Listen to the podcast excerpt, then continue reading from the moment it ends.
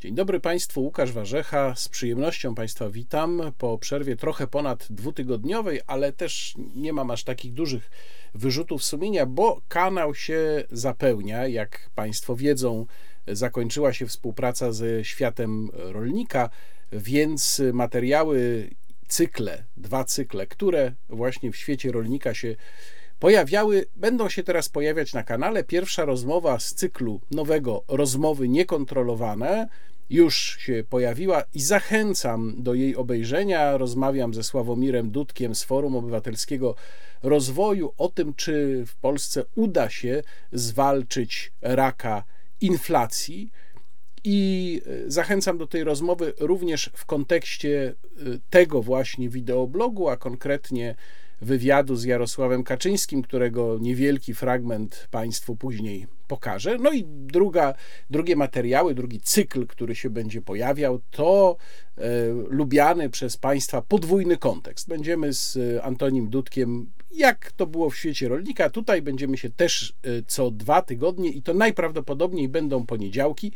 Będziemy się z Państwem e, spotykać E, no tyle, że nie w studiu, ale zdalnie. Poza tym wszystko pozostaje tak samo. Mam nadzieję, że Państwo te dwa cykle polubią. Bardzo proszę o to, żebyście się Państwo angażowali w komentowanie, w polubienia.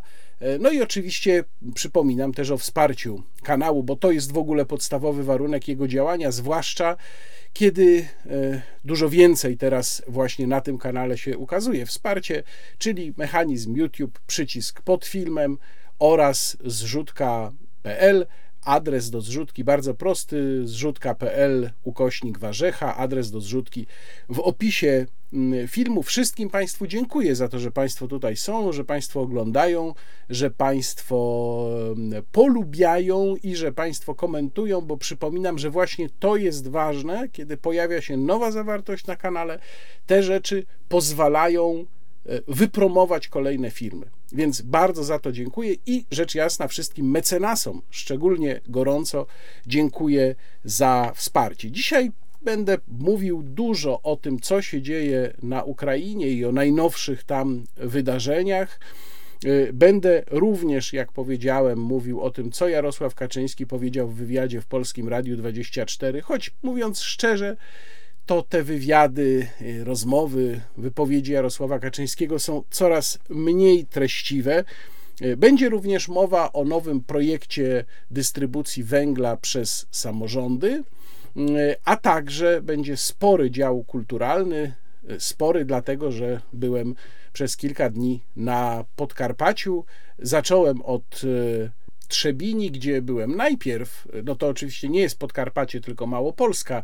Bardzo pozdrawiam pana Emila Krawczyka, który tam zaprosił mnie na dobre, ciekawe spotkanie, a potem właśnie pojechałem na Podkarpacie na festiwal Rezonanse. Dużo tam zobaczyłem, dużo słuchałem, więc proszę się przygotować na duży dział kulturalny. Będzie o muzeach, e, będzie dużo o muzyce i będzie dużo o rezonansach, e, no to zostawiam sobie na koniec, ale to prawdziwa perełka. Zaczynamy. A zaczynamy od sprawy najbardziej aktualnej, czyli wysadzenia, chyba tak można powiedzieć, mostu kerczeńskiego przez biegnącego nad cieśniną kerczeńską łączącego e, Rosję z Krymem. I tutaj muszę zacząć od tego, że kiedy no, zauważyłem dosyć oczywistą, jak się wydaje, rzecz na Twitterze i napisałem bardzo prosty komentarz, który był w swojej istocie po prostu wskazaniem na możliwe konsekwencje. Mianowicie napisałem, że w, w tej powszechnej radości, mm, bardzo takiej emocjonalnej z, z tego wysadzenia eksplozji mostu kerczeńskiego, który zresztą zdaje się już został przywrócony w tym momencie częściowo do użytku, no, trzeba jeszcze zauważyć drugą stronę medalu, którą jest to, że ta sytuacja zwiększa prawdopodobieństwo niestety użycia taktycznej broni jądrowej. No i muszę powiedzieć, że spadła jedna z największych fal hejtu, z jakimi miałem do czynienia. Ja już Państwu mówiłem, że po mnie ten hejt spływa jak po kaczce, bo ja sobie przez lata wyrobiłem bardzo grubą skórę, a w ogóle nie jestem specjalnie emocjonalnym człowiekiem, ale tu zauważyłem, że no fala tej, no, chyba można powiedzieć takiej czystej nienawiści, bo tam naprawdę no, obelgi wulgarne, to ruska onuca to w ogóle najmniej w tym wypadku y, radykalna. Oczywiście było też dużo komentarzy, które nie były obelżywe, również tych, gdzie ludzie się ze mną nie zgadzają, tylko że właściwie y, w tym moim twicie, w tym moim spostrzeżeniu, ja to oczywiście za chwilę rozwinę, y, nie było mowy o tym na przykład, że Ukraińcy mają nie wykonywać tego typu akcji albo że Ukraina ma zrezygnować z Krymu. Ja w ogóle o tym nie pisałem. Ja napisałem wyłącznie o jednej rzeczy, o tym, jaka może być konsekwencja, a właściwie jaka jest, bo moim zdaniem po prostu wzrosło ryzyko, co nie znaczy, że to nastąpi. Jak wzrosło ryzyko po tym fakcie. I tu no, Państwo, którzy mnie oglądają regularnie, a także czytają moje teksty, pewnie to wiedzą. Natomiast no, y, ja muszę po raz kolejny podkreślić, ja zawsze mam na myśli to, co dokładnie napisałem. Jeżeli napisałem, że taki i taki fakt ma takie i takie konsekwencje, to nie mam na myśli nic więcej poza stwierdzeniem dokładnie tego. Fakt, konsekwencje, tylko i wyłącznie.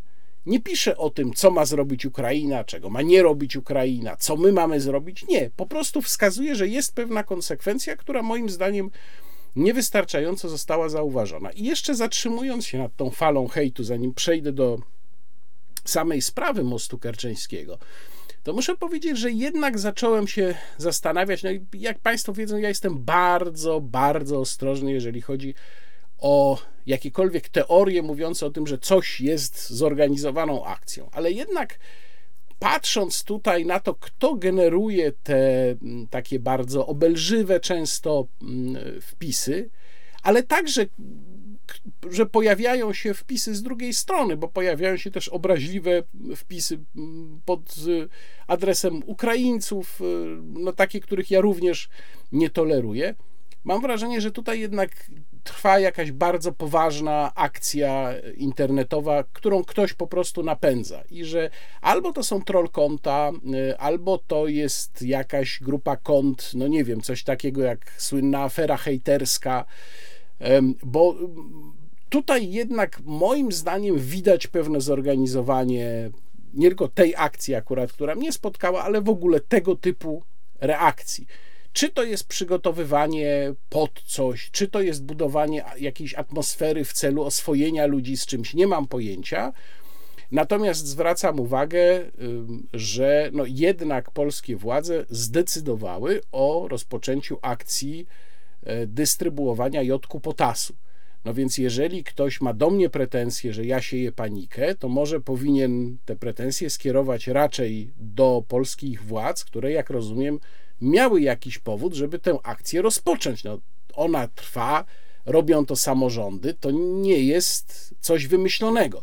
Ktoś doszedł do wniosku, że y, być może będzie potrzeba, w każdym razie wyraźnie wzrosło prawdopodobieństwo zapotrzebowania na ten środek, no, który, jak wiadomo, zażywa się wtedy, kiedy pojawia się promieniowanie. No więc coś tutaj jednak jest na rzeczy. Najpierw przechodząc do sprawy mostu kerczeńskiego, jeszcze kilka ogólnych uwag dotyczących, że tak powiem, samej metody myślenia o tym, co się dzieje. Pierwsza sprawa jest taka. Nie rozmawiamy tutaj, a w każdym razie ja nie rozmawiam i nie piszę właściwie prawie nigdy o tym, kto tu jest dobry, kto jest zły, kto ma jakąś bezwzględną rację, ponieważ w sprawach międzynarodowych to po prostu tak nie działa. I ja wychodząc z paradygmatu realistycznego, Uważam, że tego typu sposób myślenia, tego typu porządek zakłóca klarowny obraz i w niczym nie pomaga. Więc nie rozmawiamy o tym, kogo lubimy, kogo nie lubimy, kogo uważamy za szlachetnego, kogo uważamy za złego. Rozmawiamy o konkretnych, możliwych konsekwencjach i rozmawiamy o tym, co się może przydarzyć Polsce, bo to moim zdaniem jest najważniejsze. Żyjemy w Polsce, jesteśmy Polakami, parafrazując Romana Dmowskiego, mamy w związku z tym obowiązki polskie i tym polskim obowiązkiem podstawowym jest myśleć o naszym polskim interesie i filtrować wydarzenia przez pryzmat tego polskiego interesu, tego, co te wydarzenia mogą oznaczać dla naszego polskiego interesu. To jest pierwsze zastrzeżenie. Drugie zastrzeżenie, i to, te słowa kieruję do wszystkich tych z Państwa, którzy piszą: No to co, Ukraina ma przestać się bronić, w takim razie poddać się, oddać wszystkie swoje ziemie, które Rosjanie zajęli i tak dalej.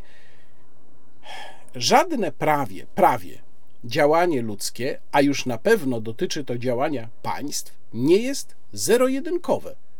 I ja w ogóle nie rozumiem, dlaczego tak duża liczba osób widzi bardzo złożone problemy właśnie w sposób zero-jedynkowy. No to nie jest tak, że Ukraina albo się broni na full, albo się w ogóle nie broni. Albo atakuje pełną parą, albo poddaje się natychmiast. To jest oczywiście absurdalne. To, to samo dotyczy zresztą naszego zaangażowania w ten konflikt. Znów odnoszę się do głosów, które pod moim adresem się często odzywały. To co, proponuje pan, żeby w ogóle przestać pomagać Ukrainie? Oczywiście, że nie. Przecież doskonale zdaję sobie sprawę i wielokrotnie podkreślałem, że Ukraina zachowująca niezależność i suwerenność jako bufor pomiędzy Polską a Rosją jest po prostu potrzebna. I mm, ja jestem absolutnie zwolennikiem tego, żeby Ukraina obroniła swoją suwerenność. To jest pytanie o poziom naszego zaangażowania. To nie jest tylko tak, że mamy albo w skali od 0 do 10 0 albo 10. Pomiędzy 0 a 10 jest jeszcze 1, 2, 3, 4, 5, 6, 7, 8, 9. Więc o tym rozmawiamy, o pewnym stopniowaniu działań. I wreszcie trzecie zastrzeżenie jest takie, że sytuacja się zmienia. Jeżeli ktoś argumentuje w ten sposób, że a wojna trwa już 8 miesięcy i Rosjanie dotąd nie użyli broni jądrowej, więc jej już nie użyją, no to ignoruje fakt, że okoliczności się zmieniają. I to, co było mało prawdopodobne na przykład 4 miesiące temu, a nawet miesiąc temu jeszcze, dzisiaj może być już znacznie bardziej prawdopodobne. No bo tak zwykle bywa, szczególnie w czasie konfliktów zbrojnych, sytuacji, kiedy wszystko się ustala i jest takie samo przez całe miesiące, w takiej, przy takiej dynamice rozwoju wypadków, no po prostu nie ma. Albo zdarzają się bardzo rzadko.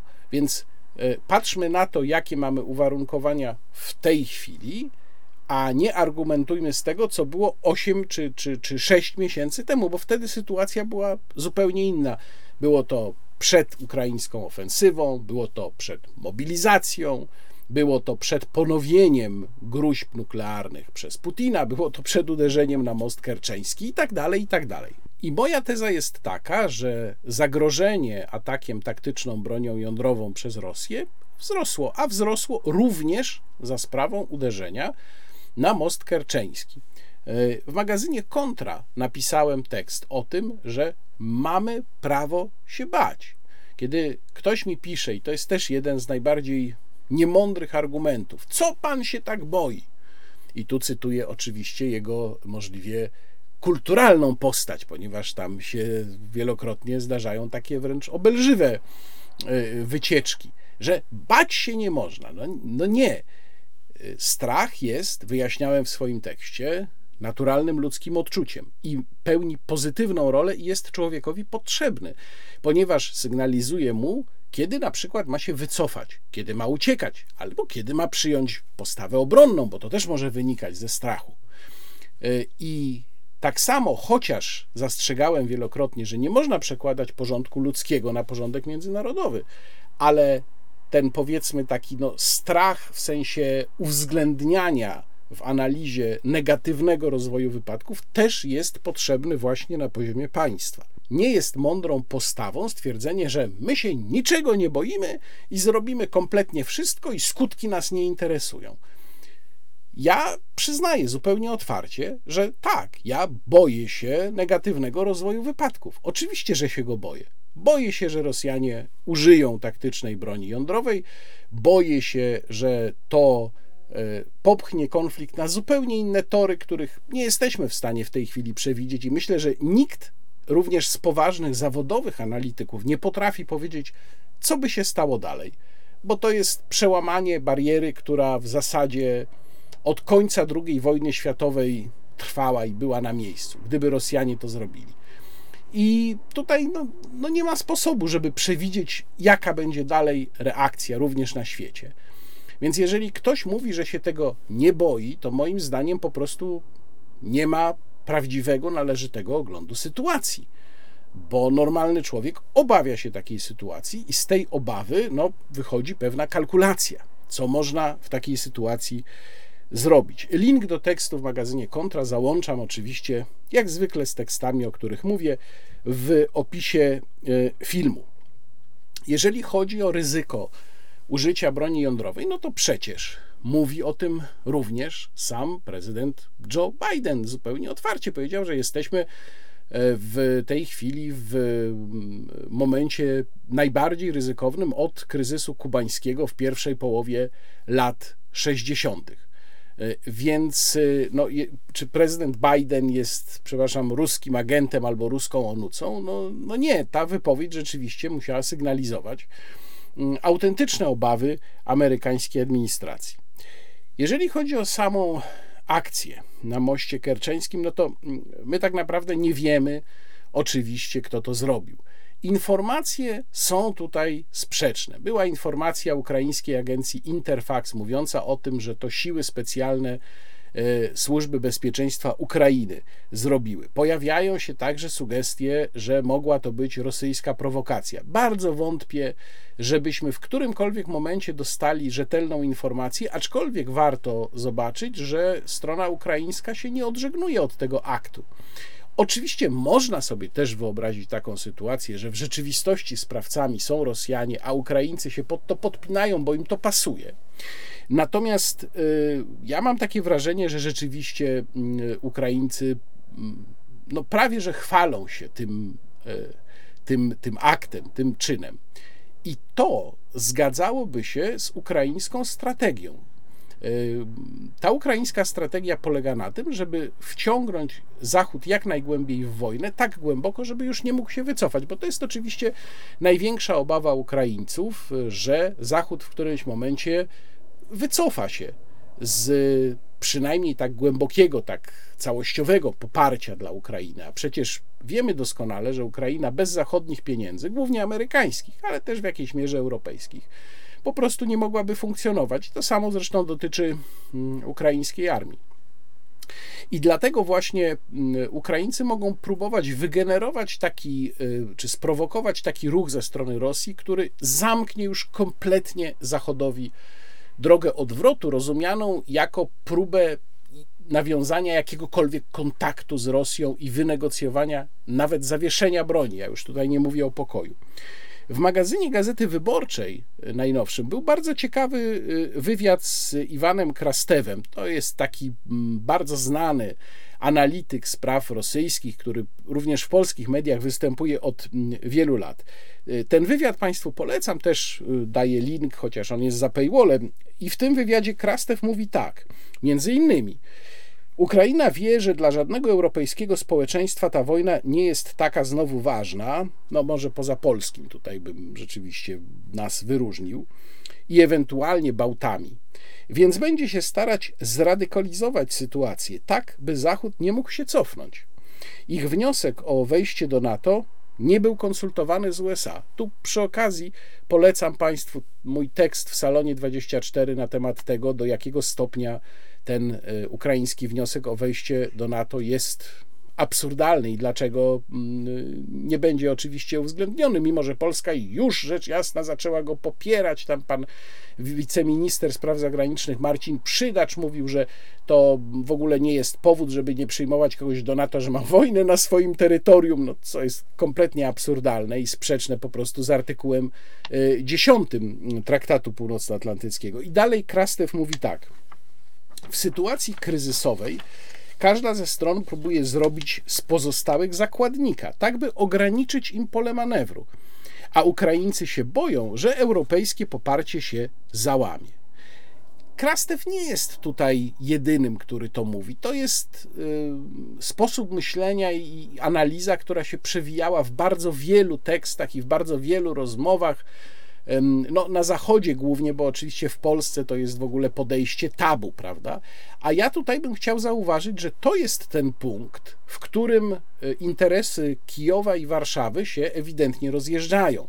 Bo o ile jest w naszym interesie, żeby Ukraina obroniła się przed Rosją, myślę, że to chyba nie podlega większej dyskusji, o tyle już wciągnięcie nas do wojny, nawet bezpośrednie, myślę, że tutaj Kijów nie miałby nic przeciwko temu, no, w naszym interesie nie jest. I to chyba też jest jasne. Zatem patrząc na to, jakie mogą być cele Ukrainy, można przyjąć, że tego zamachu rzeczywiście dokonali y, Ukraińcy.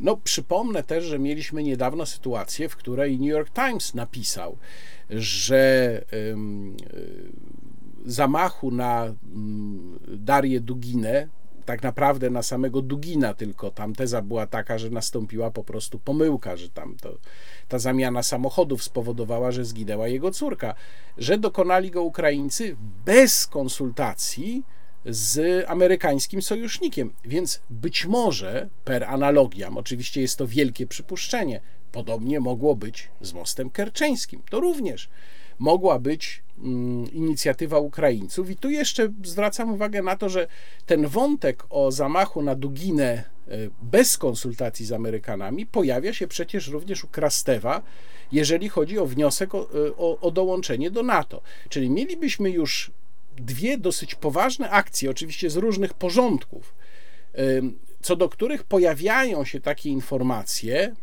Podkreślam, to są tylko informacje no, niepotwierdzone, więc tu nie mamy stuprocentowej pewności, ale pojawiają się takie tezy, że Ukraińcy to zrobili, że wykonali pewne bardzo ważne ruchy bez konsultacji z Amerykanami.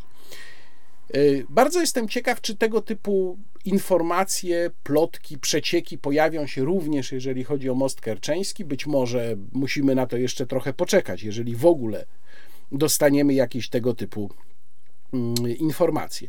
Ale czy możemy wykluczyć całkowicie rosyjską prowokację? No myślę, że też nie, dlatego że mm, FSB dokonywała przecież takich prowokacyjnych zamachów, żeby uzasadnić pewne rosyjskie działania, więc może tutaj jest podobnie. To jest tylko pytanie, czy koszt tego nie byłby zbyt wysoki. Dlatego, jeżeli by w ogóle tu mówić o sprawstwie rosyjskim, to mnie bardziej przekonywałaby teza, która też zaczęła się pojawiać w niektórych miejscach, że może tutaj chodzić o jakąś wewnętrzną wojnę pomiędzy służbami. A byłoby to może o tyle prawdopodobne, że mm, patrząc na to, co wiemy w tej chwili, o tym, co dzieje się w rosyjskiej elicie, wiemy bardzo, bardzo niewiele, ale mamy pewne przesłanki, żeby mm, sądzić, że tam naprawdę trwa jakiś bardzo ostry, wewnętrzny spór. Więc być może wynikiem tego sporu właśnie był ten wybuch na moście prowadzącym na Krym. No, jak mówię, tutaj się obracamy w sferze czystych hipotez.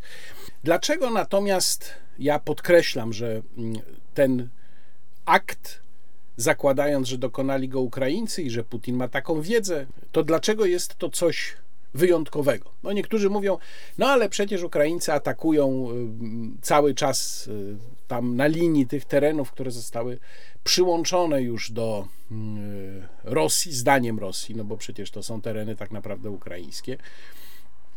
I nic się nie dzieje. No więc sytuacja, jak powiedziałem, się zmienia. Krym jest dla Rosji miejscem wyjątkowym. E, Krym jest tym rejonem, który zdaniem Rosjan bez uzasadnienia znalazł się e, w, w, terytorium, w obrębie terytorium Ukrainy, bo przypomnę, że to rok 1954, kiedy Chruszczow zdecydował o przekazaniu z rosyjskiej Federacyjnej Sowieckiej Republiki do ukraińskiej e, Sowieckiej Republiki Związkowej przekazaniu Krymu, czyli niespełna 70 lat temu, od 70 lat jest y, w ramach terytorium ukraińskiego Krym i Rosjanie są przekonani, że to w ogóle było bezprawne, przecież oni Krym y, zdobyli, odbijając od Imperium Osmańskiego pod koniec XVIII wieku, więc to im się należy. No i ten most kerczeński był pewnego rodzaju symbolem połączenia. I nie jest to jednak region gorących działań wojennych. Z tego punktu widzenia uderzenie tam akurat i w tę infrastrukturę jest moim zdaniem jednak czymś wyjątkowym. To jest kolejny, można powiedzieć, poziom eskalacji w wojnie konwencjonalnej. No i e, jakiś odwet najprawdopodobniej mm, nastąpi. Jaki on będzie, tego nie wiemy na 100%, bo jeżeli ja mówię o wzroście ryzyka uderzeniem, uderzenia broni e, taktycznej, broni jądrowej, to przecież nie mówię o pewności. To też trzeba pamiętać, to jest kolejne moje zastrzeżenie, że my się tu obracamy w sferze pewnych prawdopodobieństw, co się stało bardziej prawdopodobne, co jest mniej prawdopodobne, ale przecież tutaj nie ma w żadnej sprawie pewności. Nie ma pewności, że nastąpi ten najbardziej radykalny mm, wariant.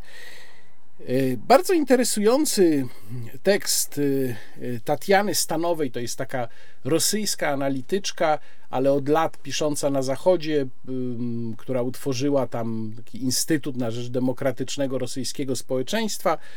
I właśnie Tatiana Stanowa napisała w Foreign Affairs tekst, w którym wskazała to, co no jest również moją obawą, czyli że paradoksalnie, o czym mówiłem wiele razy, że paradoksalnie im słabszy okazuje się Putin, a im większe sukcesy odnoszą Ukraińcy, tym no, niestety zagrożenie jakimś niekontrolowanym ruchem ze strony Putina e, robi się większe, no bo on e, będzie chciał ratować sam siebie.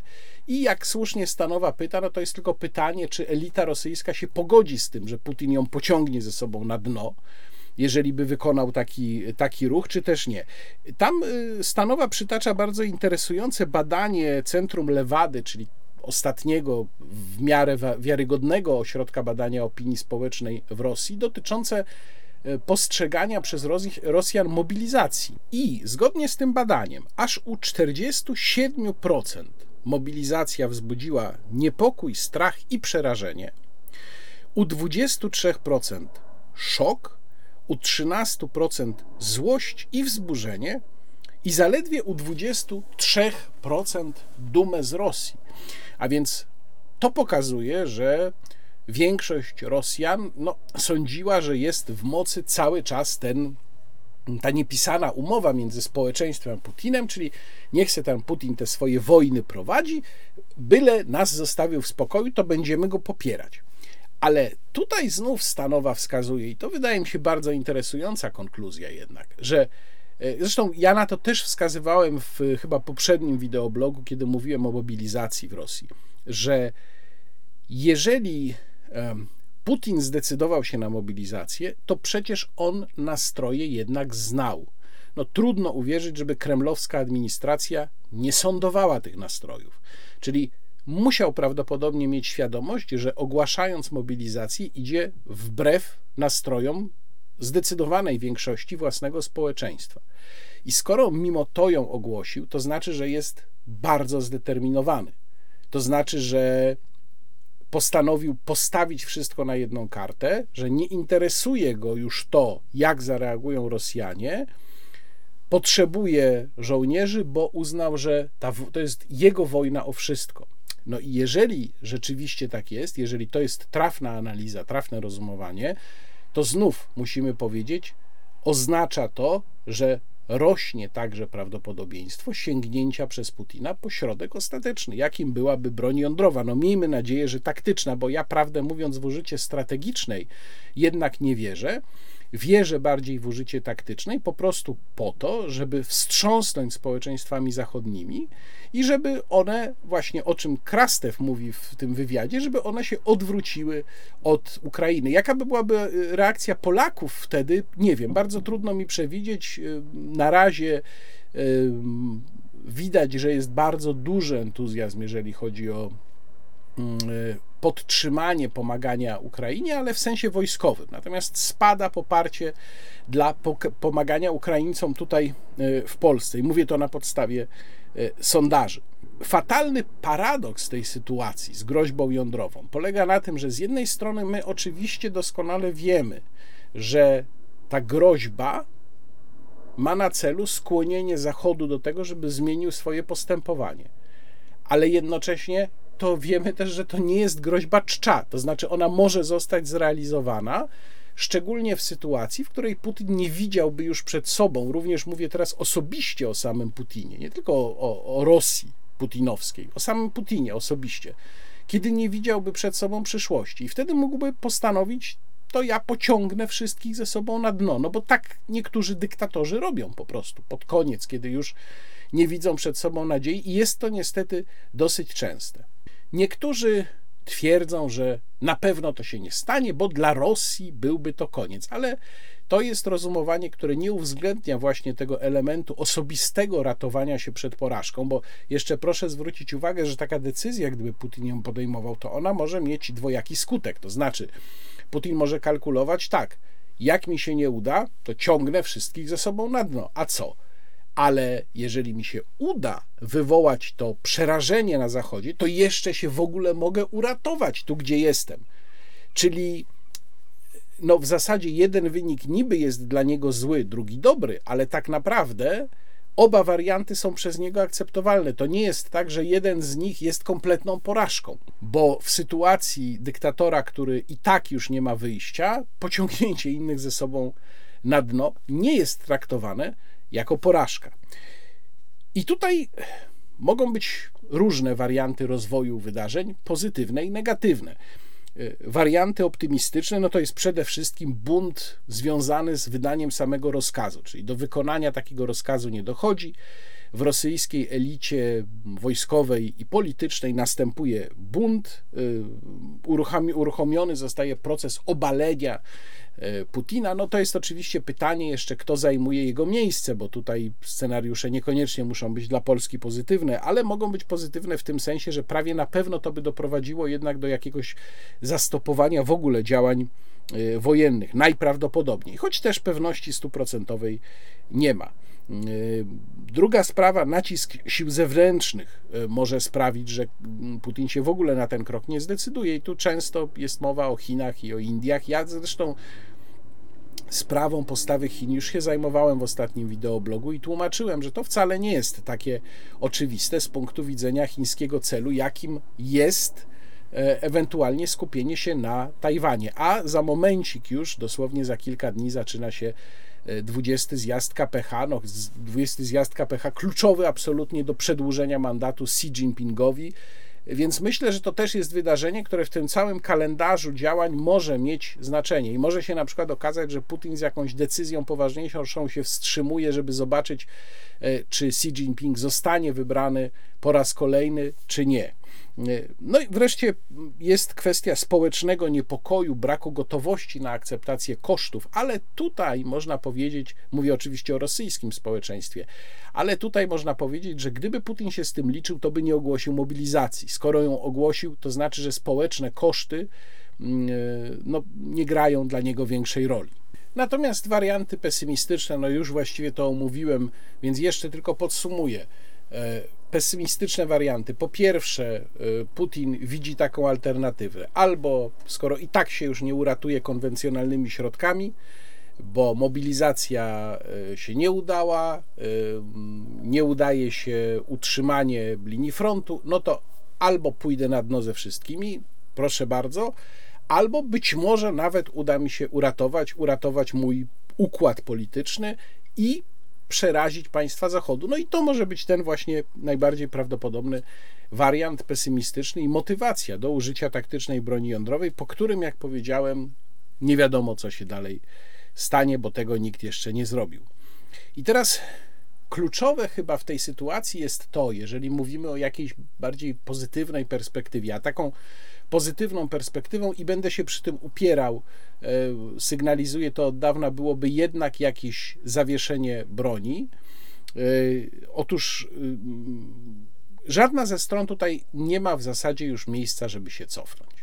Ponieważ Ukraina bardzo wyraźnie zasygnalizowała, również działając najprawdopodobniej w tych kilku ważnych sprawach bez konsultacji ze Stanami Zjednoczonymi, że się nie cofnie, że zamierza odzyskać wszystkie zabrane przez Rosję terytoria, włącznie z Krymem, nie mówiąc o tych czterech obwodach, które zostały inkorporowane do Rosji no, prawem kaduka, ale tak Rosja uważa.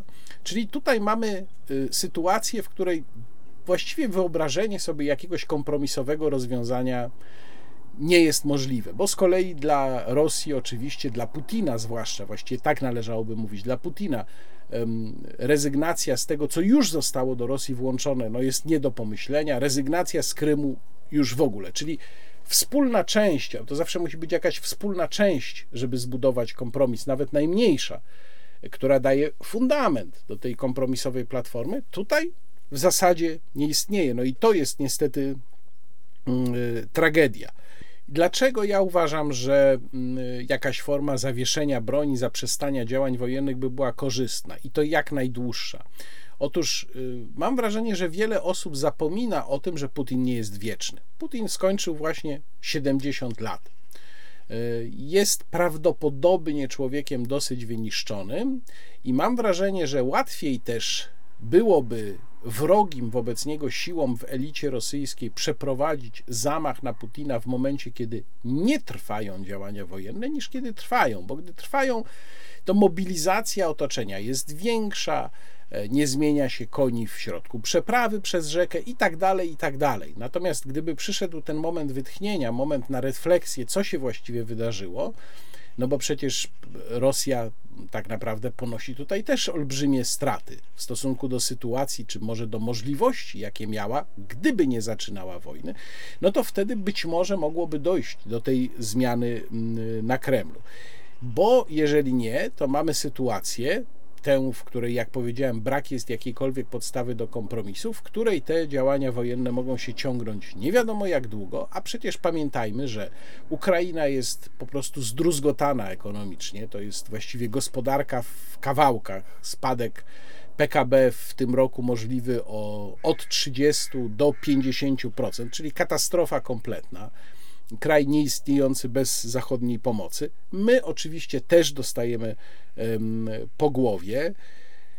E, no i kwestia sankcji, które y, pomijam tutaj ocenę, jak one mogą w długim okresie zadziałać. W krótkim okresie wydaje się, że y, znacznie bardziej traci na nich Zachód niż Rosja. Więc moja prognoza na dzisiaj by była taka, że albo w ciągu kilku miesięcy dojdzie do jakiegoś dramatycznego przesilenia i jakie, jaki one będzie miało kształt, trudno powiedzieć. To może być zarówno obalenie Władimira Putina, jak i użycie przez niego broni jądrowej, albo będziemy mieli nawet rozlanie się wojny, e, no albo e, rzeczywiście nastąpi jakieś wygaszenie działań. E, wydaje mi się, że wariant wojny trwającej bez tego przesilenia z dotychczasową intensywnością jest najmniej prawdopodobny. Choć był taki moment, że wydawało się, że to tak może trwać. I to było mniej więcej wakacje, kiedy wydawało się, że to będzie trochę taka wojna jak ta, która się zaczęła w 2014 roku i tak się będzie gdzieś tam ciągnąć daleko od nas, no ale widać, że to jednak tak nie działa, nie tym razem. I tutaj nie możemy zapominać, że Polska jest na linii strzału. Mówię tutaj oczywiście yy, umownie. I to my dramatycznie ucierpimy na każdej kolejnej eskalacji. Czy to będzie rozlanie się wojny, czy to będzie udzielenie, y, uderzenie taktyczną bronią jądrową. Nie jesteśmy Waszyngtonem, nie jesteśmy Paryżem, nawet nie jesteśmy y, Niemcami w sensie odległości od teatru działań. Oczywiście najłatwiej jest y, zarządzać innymi i zarządzać konfliktem z takiej pozycji, jaką ma Waszyngton na drugiej półkuli, pozycji prawie całkowitego bezpieczeństwa. Nasze możliwości wpływania na tę sytuację są bardzo ograniczone, ale nie są zerowe. Więc, y, tak jak powiedziałem, ja uważam, że Polska powinna, i to jest w naszym interesie w tej chwili, dążyć do y, deeskalacji. Natomiast, no niestety, wygląda na to, że polskie władze mają inny plan. Ja na przykład byłem dosyć zdruzgotany konferencją Stanisława Żaryna, rzecznika y, ministra koordynatora do spraw służb specjalnych, który komentując y, rozdawanie jodku potasu, właściwie w ogóle nie starał się nawet uspokoić, nie tłumaczył, jaką Polska ma strategię. Zresztą to nie jest jego działanie, bo to tak naprawdę o tych sprawach powinien się wypowiadać prezydent lub premier, jaką Polska ma strategię na wypadek właśnie takiej znaczącej eskalacji konfliktu, tylko powiedział, co mnie kompletnie rozbroiło, że właściwie największą troską Polski w momencie, gdyby broń jądrowa została przez Rosjan użyta, będzie dalsze mobilizowanie Zachodu do twardego popierania Ukrainy. I to ma być najważniejsza sprawa, jeżeli zostanie użyta broń jądrowa.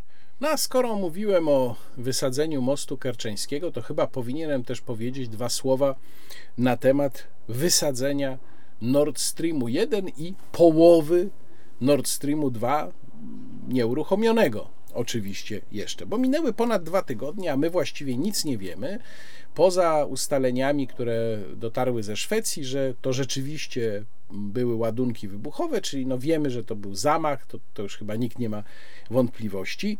Y, naprawa teoretycznie jest możliwa. Według ekspertów, których ja wypowiedzi czytałem, potrwałaby długo, bo niektórzy mówią nawet o roku, niektórzy mówią o tym, że na lato przyszłego roku mógłby być, czy trochę szybciej niż za rok, mógłby być ten e, gazociąg naprawiony, ale też nie ma stuprocentowej pewności, w jakim on jest stanie. Tam jest, z tego co czytałem, polimerowe pokrycie wnętrza tych rur, które bardzo źle reaguje na kontakt z wodą e, morską, więc być może duża część tego rurociągu już, już jest w takim stanie, że nie nadaje się do użytku. Są też tacy eksperci, którzy mówią, że w ogóle już to, co wybuchło, czyli trzy rury, Y, nie będą się nadawały do użytku kompletnie. W każdym razie na pewno w obecnych warunkach mm, politycznych, geopolitycznych, no trudno sobie wyobrazić podjęcie tej naprawy, a zapewne jest tak jak ze wszystkimi tego typu rzeczami, sytuacjami, czyli żeby w ogóle myśleć o przywróceniu sprawności tego gazociągu, trzeba by go zacząć naprawiać już teraz. No a teraz takiej możliwości oczywiście nie ma. Zachęcam do lektury mojego tekstu w najbliższym numerze do rzeczy, w którym zastanawiam się nad tym właśnie, e, która ze stron tego konfliktu mogła wysadzić Nord Stream 2 i co by osiągnęła, bo to jest chyba jedyne kryterium, dlatego że jakbyśmy się zaczęli zastanawiać nad tym, kto technicznie miał taką możliwość, to technicznie miały obie strony, czyli i Stany Zjednoczone, i Rosja. E, nikt z nas nie ma pełnych informacji wywiadowczych dotyczących tego, jakiego typu, jakie i czyje mm, okręty czy statki powietrzne znajdowały się w pobliżu w czasie, kiedy do tego doszło, więc ja w ogóle w te rozważania się nie bawię. Zadaję tylko pytanie, cui prodest? Kto korzysta na tym, co się wydarzyło? E, no i tutaj wskazania jednak są trochę inne niż ta dominująca w Polsce narracja. Dominująca w Polsce narracja mówi bowiem o tym, że e, zamachu dokonali oczywiście Rosjanie. Więc to nie jest takie oczywiste. Rosjanie, dopóki mieli działający Nord Stream 1, choć warto przypomnieć, że tym gazociągiem nie płynęło już nic od dawna, od kilku tygodni. Ale dopóki mieli działający Nord Stream 1, no jeszcze nieotwarty Nord Stream 2, no to mieli marchewkę. Czyli mogli oddziaływać przede wszystkim na Niemcy, otwierając przed nimi perspektywę, że jeżeli uda się coś załatwić, jeżeli Niemcy będą nadal prezentowały taką kunktatorską postawę jak do tej pory, to być może gaz w końcu popłynie. No a przecież dla Niemiec odcięcie rosyjskiego gazu to jest kompletna tragedia gospodarcza. I teraz, kiedy Nord Streamu 1 nie ma, Nord Stream 2 jest zniszczony w połowie, no to w dużej mierze ta marchewka po prostu zniknęła. Rosja nie może jej już stosować. No to można sobie zadać pytanie, komu na tym bardziej zależało, czy Amerykanom, czy Rosjanom, bo wydaje mi się, że jednak zdecydowanie mogło na tym bardziej zależeć yy, Amerykanom. To jest przy okazji również pozbawieni Nord Streamu pieniędzy ze sprzedaży gazu, ewentualnych pieniędzy, bo jak mówię, on nie płynął od jakiegoś czasu, no ale mimo wszystko pieniędzy, które mogły mm, popłynąć. Jest wreszcie skutek bardzo istotny, taki powiedziałbym natury strategicznej. To znaczy, Amerykanie walczą przecież y, pośrednio, oczywiście, za pośrednictwem Ukraińców, nie tylko z Rosją, a nawet nie przede wszystkim z Rosją. Walczą przede wszystkim z obozem chińskim, bo chyba tak już dzisiaj należy mówić. Obóz chiński, do którego należy Rosja. To zresztą też jest ciekawe, jak to się zmieniło. Kiedyś byśmy mówili obóz sowiecki, prawda, czy obóz rosyjski. Dzisiaj jednak to jest obóz chiński. I częścią tego obozu chińskiego w Europie no, były Niemcy jako kraj sprzyjający Rosji. Więc pozbawienie Niemcy dopływu, możliwości dopływu taniego rosyjskiego surowca jest e, no, zdecydowanie po myśli Amerykanów, nie po myśli Rosjan. E, wskazuje się na to, że w połowie został zniszczony Nord Stream 2. No i to jest mm, pytanie, na które też nie znamy odpowiedzi. Czy był to swego rodzaju wypadek przy pracy, czy planem było zniszczenie całego Nord Stream 2 i to nie wyszło, czyli miały zniknąć wszystkie cztery w sumie rury, w tym dwie rury Nord Stream 2, czy może był za tym jeszcze jakiś inny plan? No bo wygląda to rzeczywiście dosyć dziwnie, natomiast ja myślę, że czasem w takich sprawach rzeczywiście przypadki również grają rolę, no bo to w końcu jest bardzo trudna operacja podmorska, więc być może miał zniknąć cały Nord Stream 2, czy zostać przecięty, rozerwany tym wybuchem. No dobrze, ale w takim razie, czy jest coś, co przemawia za tą hipotezą rosyjską? Ja widzę tylko dwa wyjaśnienia, które się pojawiają i które tutaj przytoczę rzetelnie, mm, które miałyby świadczyć o tym, że zrobili to Rosjanie. Pierwsze, pierwsze wyjaśnienie jest takie, że w momencie, kiedy pojawia się klarowna, twarda, oczywista, techniczna przyczyna, dla której nie można przesyłać gazu przez Nord Stream 1, no to tą przyczyną Rosjanie mogą się wytłumaczyć i uniknąć kar za zaprzestanie transferu. Ale to mnie nie przekonuje. Dlatego, że po pierwsze, w tych warunkach politycznych, jakie są, Rosjanie naprawdę używali już byle jakich pretekstów, o których wszyscy wiedzieli, że to są właśnie preteksty, że to nie są prawdziwe wyjaśnienia, żeby przestać tłoczyć gaz przez Nord Stream 1 i w ogóle się tym nie przejmowali.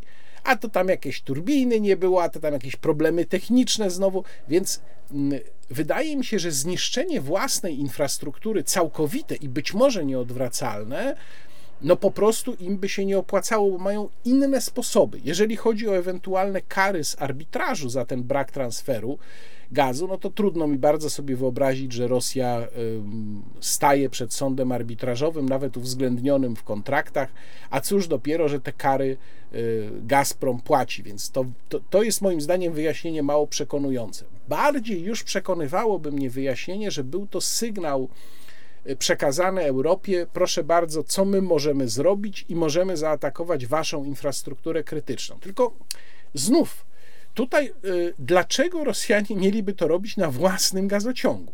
Jeżeli faktycznie mogą to zrobić, to mają tam na dnie Bałtyku no, no mnóstwo miejsc, które mogą zaatakować, albo y, mogą zrobić y, tak, jestem pewien, że techniczne możliwości mają, żeby nie można było stwierdzić na 100%, czy jest to awaria, czy był to atak, bo tutaj mamy sytuację, w której, jak sądzę, służbom, które dokonywały tego aktu, zależało na tym, żeby można było jednoznacznie stwierdzić. No bo przecież gdyby, że to właśnie służby, że to było celowe działanie, no bo przecież gdyby służby chciały dokonać sabotażu, ale tak subtelnego, żeby można to było uznać za zwykłą awarię, to pewnie miałyby możliwość to zrobić. A tutaj, no, widać od razu, prawda? Wystarczyło tam wysłać nurków i oni od razu stwierdzili, że to były ładunki wybuchowe, czyli że był to zamach. No więc Rosja mogłaby zrobić to subtelniej i zasygnalizować w ten sposób, ale na takiej zasadzie, że no nie byłoby e, podstaw, żeby stwierdzić, że to jednoznacznie, że to Rosja zrobiła. Więc mógłby to być atak w innym zupełnie miejscu i na zachodnią infrastrukturę a nie na własną, bo w ten sposób Rosja, jak powiedziałem, no pozbawia się tej marchewki, którą mogła przyciągać przede wszystkim Berlin.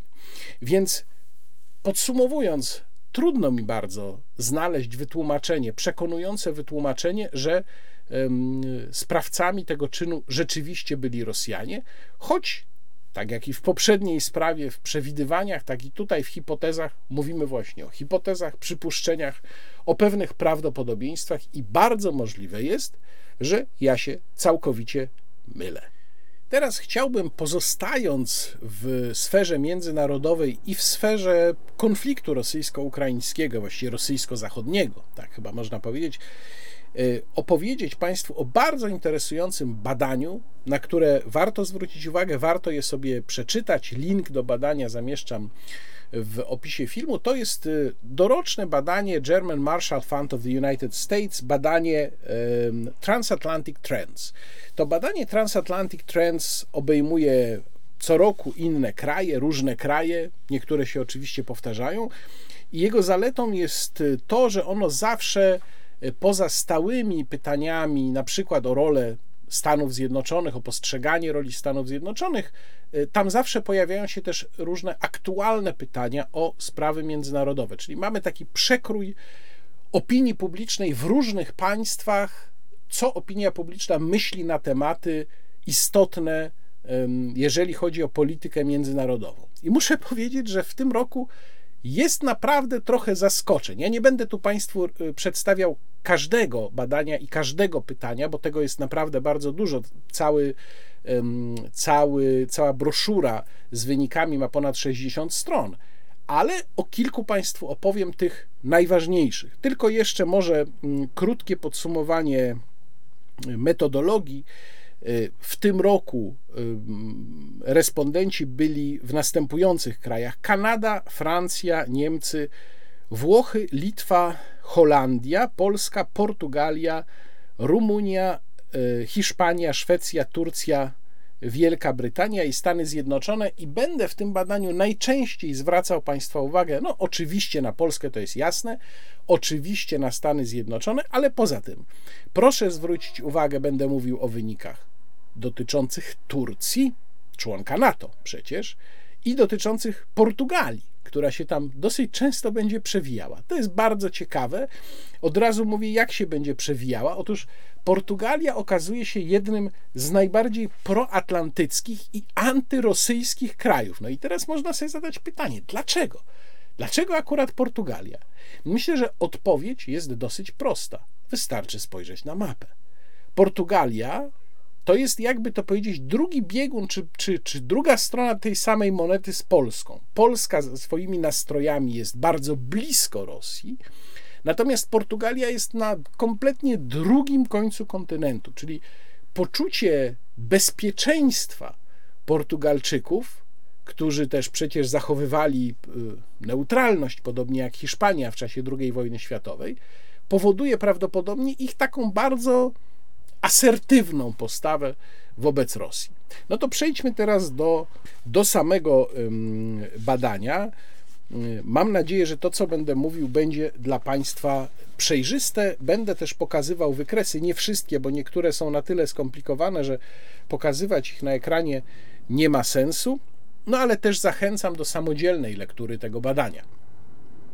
Pierwsze pytanie istotne, a właściwie dwa pytania, bo je należy widzieć łącznie, dotyczy tego, kto jest i kto będzie za pięć lat najbardziej wpływowym aktorem w sprawach globalnych. I jak to się zmienia? Otóż, jeżeli chodzi o średnią, średnią wyników z tych wszystkich państw, dzisiaj 64% wskazuje na Stany Zjednoczone, 17% na Unię Europejską, 13% na Chiny i zaledwie 6% na Rosję. A za 5 lat, i to jest bardzo ciekawe, już mamy pierwsze już zaskoczenie. 37% Stany Zjednoczone, czyli spadek o 27 punktów. 25% Chiny, wzrost o 12 punktów. Unia Europejska na podobnym poziomie 15%, no ale to jest jednak spadek o 2 punkty. I uwaga, Rosja, też bardzo interesujące wskazanie, 10%. To jest wzrost o 4 punkty. Mimo sytuacji, w jakiej Rosja się w tej chwili znajduje i mimo mm, takiej narracji, że właśnie dopiero z czasem Rosja zostanie zdegradowana za sprawą zachodnich sankcji. No to tutaj w tym badaniu, które podkreślę też jest dosyć, dosyć aktualne, bo je wykonywano mniej więcej czerwiec, lipiec tego roku, czyli no, wojna już była zaawansowana, pakiety sankcji były na miejscu, czyli z jakiegoś powodu yy, duża część badanych uważa, że jednak mimo wszystko znaczenie Rosji wz, yy, wzrośnie w ciągu pięciu lat. A teraz jak te, yy, jak te rezultaty się kształtowały i tu powiem o trzech krajach. Y, Stanach Zjednoczonych, Polsce i Turcji. Otóż, jeżeli chodzi o Stany Zjednoczone, dzisiaj 86% wskazuje, że Stany Zjednoczone, e, czyli na własny kraj, są najważniejszym państwem, najważniejszym aktorem spraw międzynarodowych. A jeżeli chodzi o sytuację za 5 lat, to mamy bum, spadek o 26 punktów. I już tylko 60% uważa, że za 5 lat, a samych Amerykanów tak uważa, że za 5 lat Stany Zjednoczone będą najważniejszym aktorem. Jeżeli chodzi o Unię Europejską, to dzisiaj jest to 4%, a e, w przyszłości 5%, czyli wzrost zaledwie o 1 punkt. I uwaga, ciekawa zmiana, jeśli chodzi o Chiny. Dzisiaj 6% e, uważa, że Chiny są ważne w Stanach Zjednoczonych, najważniejsze, a za 5 lat 15% wzrost aż o 9 punktów. I prawie żadna zmiana, jeżeli chodzi o Rosję, czyli e, dzisiaj 3%, a za 5 lat 4%, czyli to jest no, plus 1 punkt, nadal bardzo niskie znaczenie.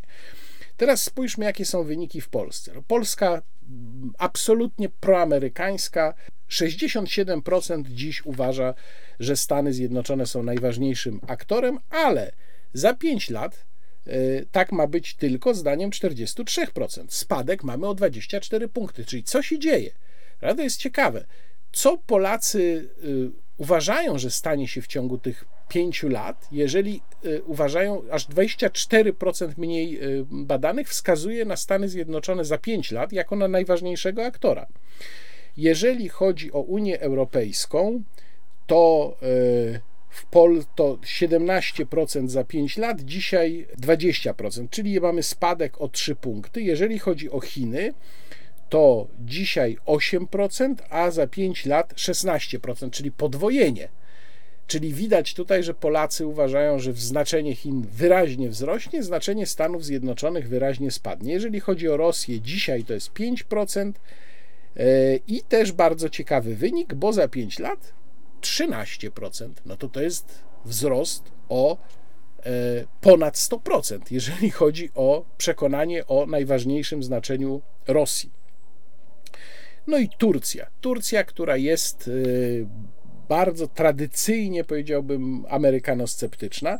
Dziś 60% uważa, że Stany Zjednoczone są najważniejszym graczem, a za 5 lat 36%. I to jest, co ciekawe, spadek dokładnie o tyle samo, co w Polsce, też 24 punkty. Jeżeli chodzi o Unię Europejską, dziś 15%, a 12% za 5 lat, czyli spadek o 3 punkty. I teraz bardzo ciekawe zjawisko, jeśli chodzi o Chiny. 14% dzisiaj i aż plus 15 punktów, czyli 30, przepraszam, 16 punktów, czyli aż 30% uważa, że za 5 lat Chiny będą bardzo ważnym graczem. Tak jest właśnie w Turcji. Jeżeli chodzi o Rosję, dzisiaj 10%, za 5 lat 15%. No to tutaj już to badanie, to pierwsze, pierwsze i drugie pytanie o tego najważniejszego aktora już nam pokazuje pewien rozkład, który się będzie przewijał e, właściwie w całej tej ankiecie. Rozkład również, jeśli chodzi właśnie o opinię, w Turcji. Podkreślam to bardzo mocno, bo Turcja jest tam, jak się spojrzy na mapę, no państwem naprawdę kluczowym, jeśli chodzi o rozgrywkę i na Bliskim Wschodzie, i jeżeli chodzi o to, co się dzieje mm, z Rosją i co Rosja robi. Kolejne pytanie to odczucia, jeżeli chodzi o rolę Stanów Zjednoczonych w sprawach globalnych. To jest w ogóle taka seria pytań: rola Stanów Zjednoczonych, rola Chin, rola Rosji w sprawach globalnych. Nie będę rozbijał tych opinii na bardzo pozytywne, ogólnie pozytywne, ogólnie negatywne, bardzo negatywne, tylko podsumowuję, y, zliczam razem. Pozytywne, negatywne. Więc dziś 57% mm, ma pozytywne odczucia średnio na temat roli Stanów Zjednoczonych, a 30% y, ma negatywne odczucia. I teraz jak jest w Polsce? Absolutny rekord ze wszystkich badanych krajów pozytywnych odczuć. 74% w sumie. Na drugim miejscu za nami jest Litwa, to jest, to, są, to jest 73%, przy czym tam na Litwie jest więcej wskazań bardzo pozytywnych. No i na trzecim miejscu jest 72% Portugalia. I w Polsce zaledwie 13% odczuć negatywnych co do roli Stanów Zjednoczonych to jest najmniej. Czyli Polska w tym badaniu pokazuje się jako absolutnie najbardziej bezkonkurencyjnie proamerykański kraj, który świetnie ocenia rolę Stanów Zjednoczonych w sprawach międzynarodowych. No, ciekawe, jak jest w Niemczech, na przykład dla porównania, przypomnę, u nas 74%, w Niemczech w sumie 53% zaledwie ma pozytywne odczucia, e, we Włoszech 45%, a w Turcji, uwaga, 23%. A negatywne odczucia w Turcji ma aż 67%. No to Turcja jest na kompletnie drugim biegunie. To jest po prostu niebo a ziemia z Polską. Spójrzmy teraz, jak wygląda sentyment, odczucie, jeżeli chodzi o e, globalną rolę Chin. E, pozytywne, pozytywne odczucia tutaj ma zaledwie 27% średnio, a negatywne 57%. Najwięcej, i to jest bardzo wyraźnie odstający wynik od reszty badanych krajów, najwięcej pozytywnych e, odczuć jest, co ciekawe, w Rumunii 49% w stosunku do 40% negatywnych odczuć. I żaden z innych badanych krajów nawet się nie zbliża do tego rumuńskiego poziomu. W Stanach Zjednoczonych i w Polsce jest po tyle samo pozytywnych odczuć 27%, przy czym w Stanach Zjednoczonych jest więcej negatywnych 53%, a w Polsce 47%. I przyznam szczerze, nie wiem z czego wynika ten y, bardzo wysoki odsetek pozytywnych odczuć, jeżeli chodzi o Rumunię. Być może, jeżeli Państwo wiedzą, to proszę to napisać w komentarzach. Być może Rumunii, na przykład, o czym ja nie wiem, bo no po prostu nie znam się tak na sprawach rumuńskich i nie sprawdzałem tego, być może w Rumunii jest na przykład bardzo wysoki mm, poziom y, inwestycji chińskich. No, jakieś wyjaśnienie tego ewidentnie odstającego od reszty wyniku pozytywnych odczuć, jeśli chodzi o globalną rolę Chin, musi być. No i teraz sprawy rosyjskie, znaczy sentyment, odczucie, jeżeli chodzi o mm, wpływy Rosji w sprawach międzynarodowych. No tutaj zaskoczeń nie ma. 15% ma pozytywne odczucia, 73% negatywne, y, a to od razu mówię, nie sumuje się do 100, bo ta reszta, o której już nie wspominam, to są odpowiedzi nie wiem. Najwięcej pozytywnych odczuć, znów ciekawostka, w Rumunii. Czyli Rumunia tu już drugi raz odstaje, chociaż ta różnica tym razem jest mniejsza od innych państw, czyli 25% odczuć pozytywnych, a w Turcji 23%. Negatywnych odczuć w Rumunii jest 64%, a w Turcji 66%. W Stanach Zjednoczonych 20% y, pozytywnych ocen, jeżeli chodzi o rolę Rosji E, w sprawach międzynarodowych i 65% negatywnych. No i tutaj Polska, ale nie na samym drugim końcu tej tabeli, co ciekawe. Polska 11% odczuć pozytywnych i 80% negatywnych, ale lepsi są od nas Portugalczycy. 10% tylko odczuć pozytywnych i 84% odczuć negatywnych. Ta tabela, którą teraz Państwo widzą, pokazuje E, jaka jest opinia badanych na temat najbardziej wpływowego państwa w Europie. I tu ważna rzecz. Nie chodziło o wskazanie jednego kraju. Można było wskazać trzy kraje. Więc e, no to nie było tylko tak, że wybieramy na przykład wyłącznie Niemcy. No i tutaj ciekawe jest, jak wypadła Polska jak nas oceniali inni, a jak my ocenialiśmy innych. Więc jeżeli chodzi o nasze wskazania, no to nie ma specjalnej różnicy. 75% wskazuje na Niemcy, 50% na Francję, 33% na um, Wielką Brytanię. No i sami z kolei na siebie, jako najbardziej wpływowy kraj w Europie, wskazało u nas 10%. Jeszcze y, dosyć wysokie wyniki, jeżeli chodzi o wskazanie na Polskę, mieliśmy na Litwie 9% i w zasadzie na tym koniec. Bo jeżeli chodzi o nasze znaczenie w Europie, i to jest chyba, to powinien być chyba kubeł zimnej wody, to najwyższy odsetek, jaki na nas wskazywał, to było poza tym, czyli poza nami samymi i Litwą, to były 3%. I nasi wielcy sojusznicy ze Stanów Zjednoczonych, Mm, badani w Stanach też tak wskazywali 3%. Zaledwie 3%. Jeżeli chodzi o Niemcy, ten sam wynik 3%, nie ma różnicy. Ale na przykład już powiedzmy we Włoszech 1%, w Hiszpanii 1%, w Portugalii też 1%, czyli nasze przekonanie o naszej wyjątkowej roli, przynajmniej w oczach badanych, w oczach respondentów, no chyba tutaj powinno trochę zostać zachwiane. Kolejne badanie, które pokazuje Y, ogólnie można powiedzieć akceptację dla amerykańskiej polityki, upodobanie do tego, co robi Waszyngton, bo to jest badanie y, akceptacji y, prowadzenia spraw międzynarodowych przez prezydenta Bidena. Też naprawdę interesujące wyniki.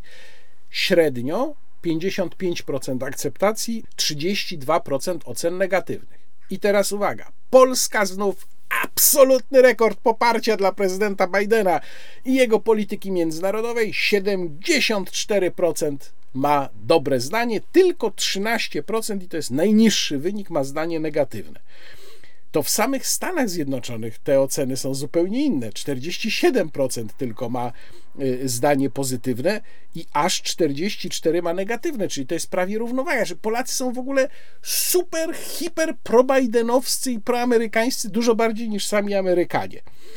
No i Turcja to też nie trudno przewidzieć na drugim biegunie, czyli 24% akceptuje politykę Bidena, a aż 65% nie akceptuje. No i tutaj, jak spojrzymy na te wyniki, czyli tam ten wcześniejszy rola Stanów Zjednoczonych, tutaj sposób prowadzenia spraw międzynarodowych przez prezydenta Bidena, na te polskie wyniki, no to właściwie jak się tak zastanowić, na czym Amerykanie budują swoje wpływy, jak zachowują się kolejne polskie rządy względem Stanów Zjednoczonych. No, to jest budowanie na tej emocji, która przecież jest w dużej mierze kompletnie irracjonalna.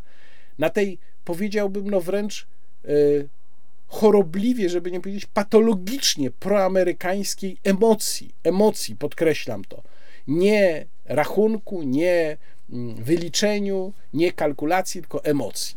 Interesujące było pytanie o to, co jest najważniejszym wyzwaniem, jeżeli chodzi o bezpieczeństwo. No i na przykład je, zmianę klimatu w Polsce wskazało zaledwie 11%. E, e, wojnę pomiędzy państwami w Polsce wskazało 25%, czyli całkiem dużo. Na Litwie nawet jeszcze więcej 27%, a w Stanach Zjednoczonych zaledwie 13%. Rosja jako wyzwanie dla międzynarodowego bezpieczeństwa. Na Litwie aż 42%, w Polsce 35%, ale już w Stanach Zjednoczonych tylko 10%.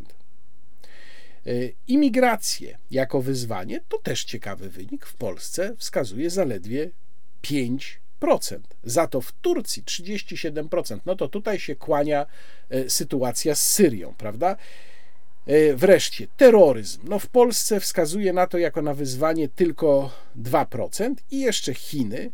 I tutaj Polska kompletnie się nie wpisuje w narrację amerykańską, bo zaledwie 1% wskazuje na Chiny jako na to wyzwanie bezpieczeństwa. No w Stanach Zjednoczonych to też nie jest oszałamiające, bo 8%, ale jednak 8 razy więcej. Waga, ważność NATO. Tutaj chyba też nie ma specjalnych zaskoczeń, choć znów Polska jest na czele tabeli. No tak, średnio mamy bardzo ważne i dość ważne 78%, niespecjalnie ważne, w ogóle nieważne 13%. Ale w Polsce tych ocen ważne bardzo lub y, ogólnie ważne 91%. To pokazuje, za jak kluczową instytucję uważamy Sojusz Północnoatlantycki. Po tej drugiej stronie jest zaledwie 6%. To nawet Litwa, e, e, Litwini nawet nie wskazują na aż tyle, bo u nich to jest 87%.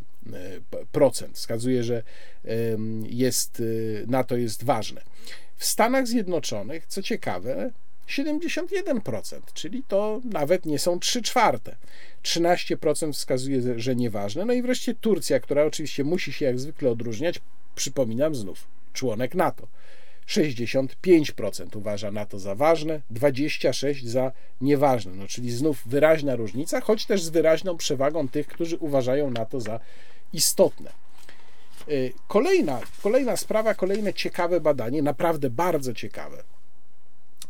E, jak należy e, zareagować na e, wojnę na Ukrainie. I tutaj podsumowano odpowiedzi, że częściowo lub całkowicie się zgadzam. Odpowiedzi dla poszczególnych krajów. Przeczytam tylko te mm, najważniejsze, najciekawsze z pytań. Nałożyć mocne ekonomiczne sankcje na Rosję. W Polsce tego zdania jest 84%, a w Stanach Zjednoczonych zaledwie 65%. Ustanowić y, strefę zakazu lotów nad Ukrainą dla y, rosyjskich samolotów wojskowych. W Polsce zwolennikami tego rozwiązania, które przecież oznaczałoby przystąpienie po prostu NATO do wojny, jest aż 78%, a w Stanach Zjednoczonych tylko 60%. Zaoferować członkostwo w Unii Europejskiej. No już wiemy, że Ukraina jest krajem kandydującym. W Polsce 70 6% jest za, ale więcej w Portugalii 79%. Zaoferować Ukrainie członkostwo w NATO. W Polsce opowiada się za tym aż 71% Polaków, ale znów więcej troszeczkę Portugalczyków, bo 73% i też 73% Litwinów a w Stanach Zjednoczonych raptem 61%. No i wreszcie wysłać y, wojska NATO na Ukrainę. No to tutaj już w Polsce umiarkowanie jest dużo większe i co ciekawe, mniej jest zwolenników jednak takiego rozwiązania niż w Stanach Zjednoczonych. W Polsce 47%, w Stanach Zjednoczonych 51%. I znów tutaj wygrywają z nami Portugalczycy, ale też Litwini, którzy są bardzo zapalczywi. Portugalczycy to aż 62% jest zwolennikami wysłania wojsk NATO na Ukrainę. No i 59% Litwinów, przypomnę, w Polsce 47%. Wracamy jeszcze do Chin. Tutaj znów bardzo interesujące różnice między krajami w odpowiedziach na pytanie, kim jest w relacjach dwustronnych, kim są w relacjach dwustronnych Chiny. E, I możliwe odpowiedzi były takie: partner, współzawodnik, rywal. No i oczywiście nie wiem, czyli rywal to jest najwięcej, współzawodnik no to tak pośrednio, partner najbliżej. I teraz w Stanach Zjednoczonych Chiny za partnera uznaje tylko 15%, najwięcej 34% za e, współzawodnika, 32% niewiele mniej aż za rywala. Jak to wygląda w Polsce? No tutaj na szczęście opinia publiczna nie idzie dokładnie po sznurku wytycznych amerykańskich. 36% uznaje Chiny za partnera, 19% za współzawodnika i tylko 11% za rywala, ale też jest bardzo wysoki odsetek tych, którzy mówią, że nie wiedzą, czyli 34%.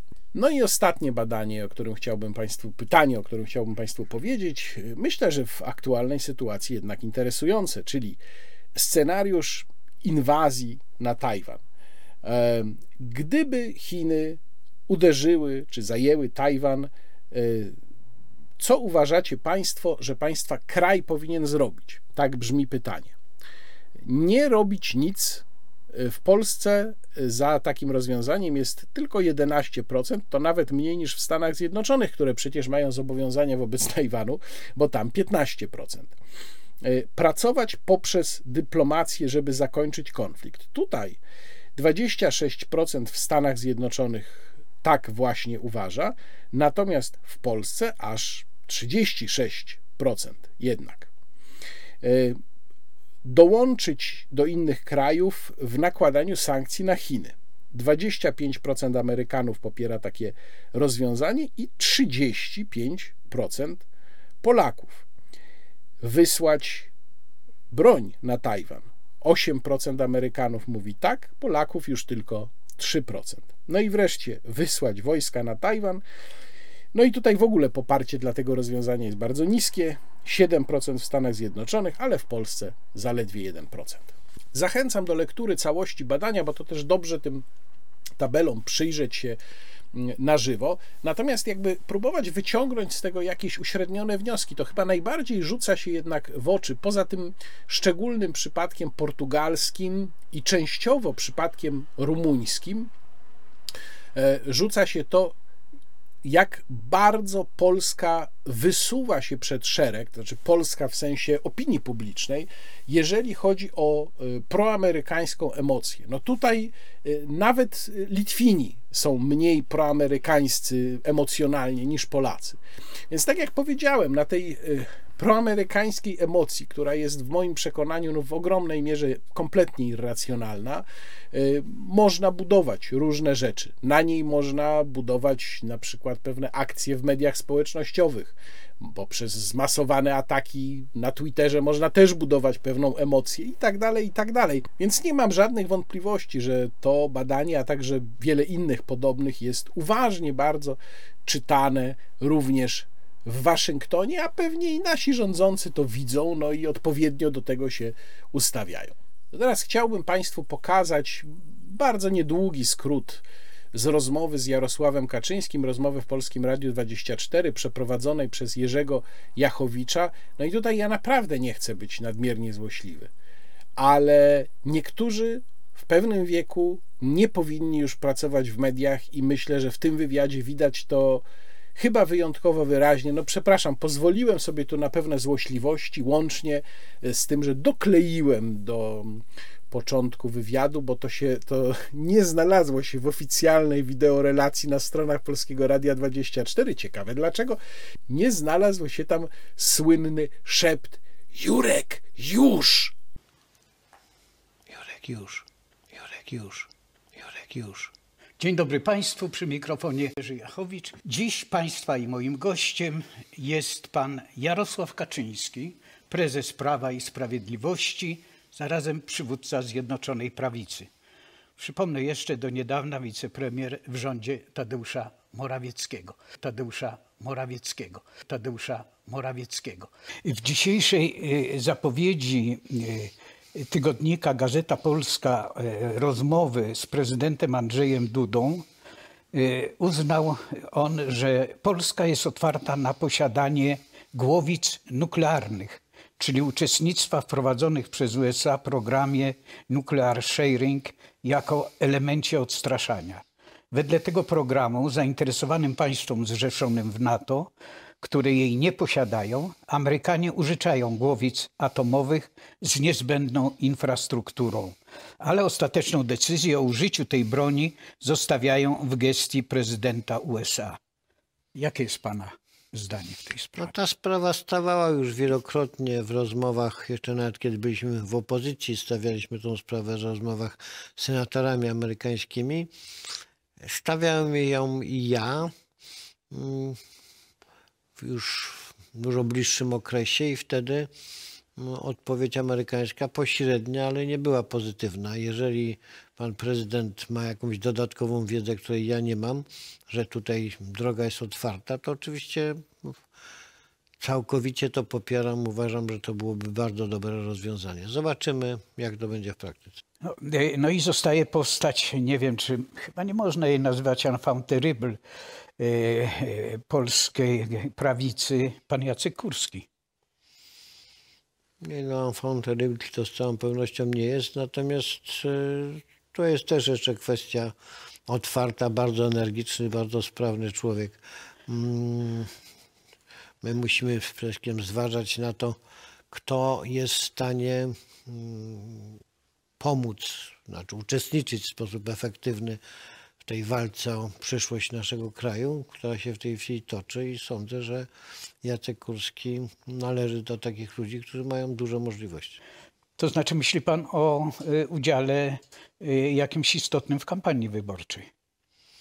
Ja nie chcę w tej chwili precyzować, bo Jacek Kurski to jest na pewno postać niezwykła no, i skomplikowana. Skomplikowana, ale chyba jej, może rzeczywiście zły, złego określenia użyłem, enfant terrible.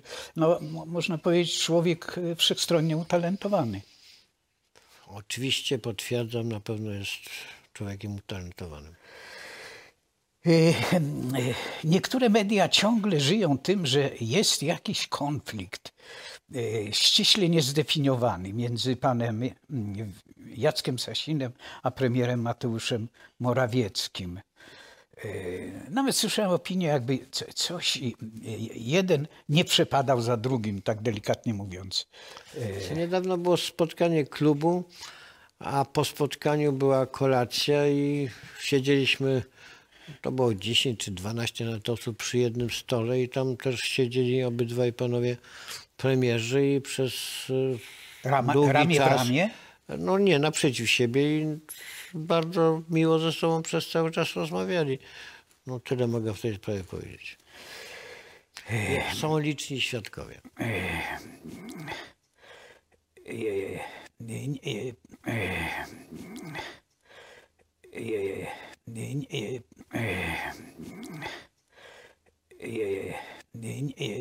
Podobno niektórzy e, członkowie PiSu, e, mówiąc tak najbardziej delikatnie, nie są entuzjastami e, premiera Tadeusza, czy Mateusza Tadeusza, czy Mateusza Tadeusza, czy Mateusza Morawieckiego w roli premiera.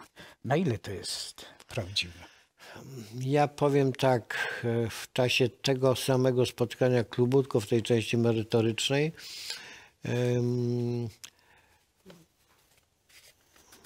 pan premier otrzymał bardzo dalekie, daleko idące, no można powiedzieć, entuzjastyczne poparcie.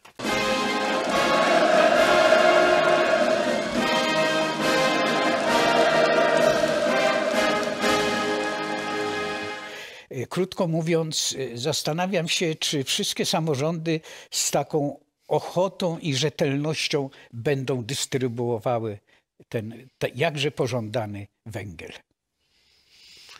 Sądzę, że samorządy, które w Polsce mają bardzo duże uprawnienia, mają też obowiązki. I to jest taki obowiązek o charakterze elementarnym. Ja przypominam, polska konstytucja traktuje samorządy jako część władzy państwowej. Jest władza rządowa i samorządowa i obydwie te władze są władzą państwową. I tutaj jest po prostu kwestia obowiązku. E, to jeszcze raz chciałbym podkreślić, no jeżeli samorządy będą ten obowiązek łamać, to z jednej strony jest odpowiedzialność przed mieszkańcami, ta odpowiedzialność, która realizuje się poprzez wybory, no a z drugiej strony są też metody prawne mm, do tego, żeby tą odpowiedzialność także egzekwować. No tu jest oczywiście bardzo duża rola sądów, które w Polsce bywają, powiedzmy sobie, dość zaskakujące, jeżeli chodzi o swoje orzecznictwo. Ale sprawa inflacji jest być może z tych dwóch poprzednich jako trzecia najtrudniejsza.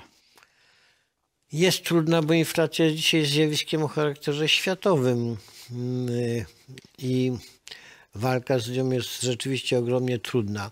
My przyjęliśmy w tej walce takie założenie. Nie chcemy doprowadzić do tego, żeby w Polsce już po raz czwarty od 1989 roku społeczeństwo przeżyło kryzys wielkiego bezrobocia, spadku dochodów e, rozumianych jako dochód wszystkich, a więc też i tych, którzy nie mają pracy.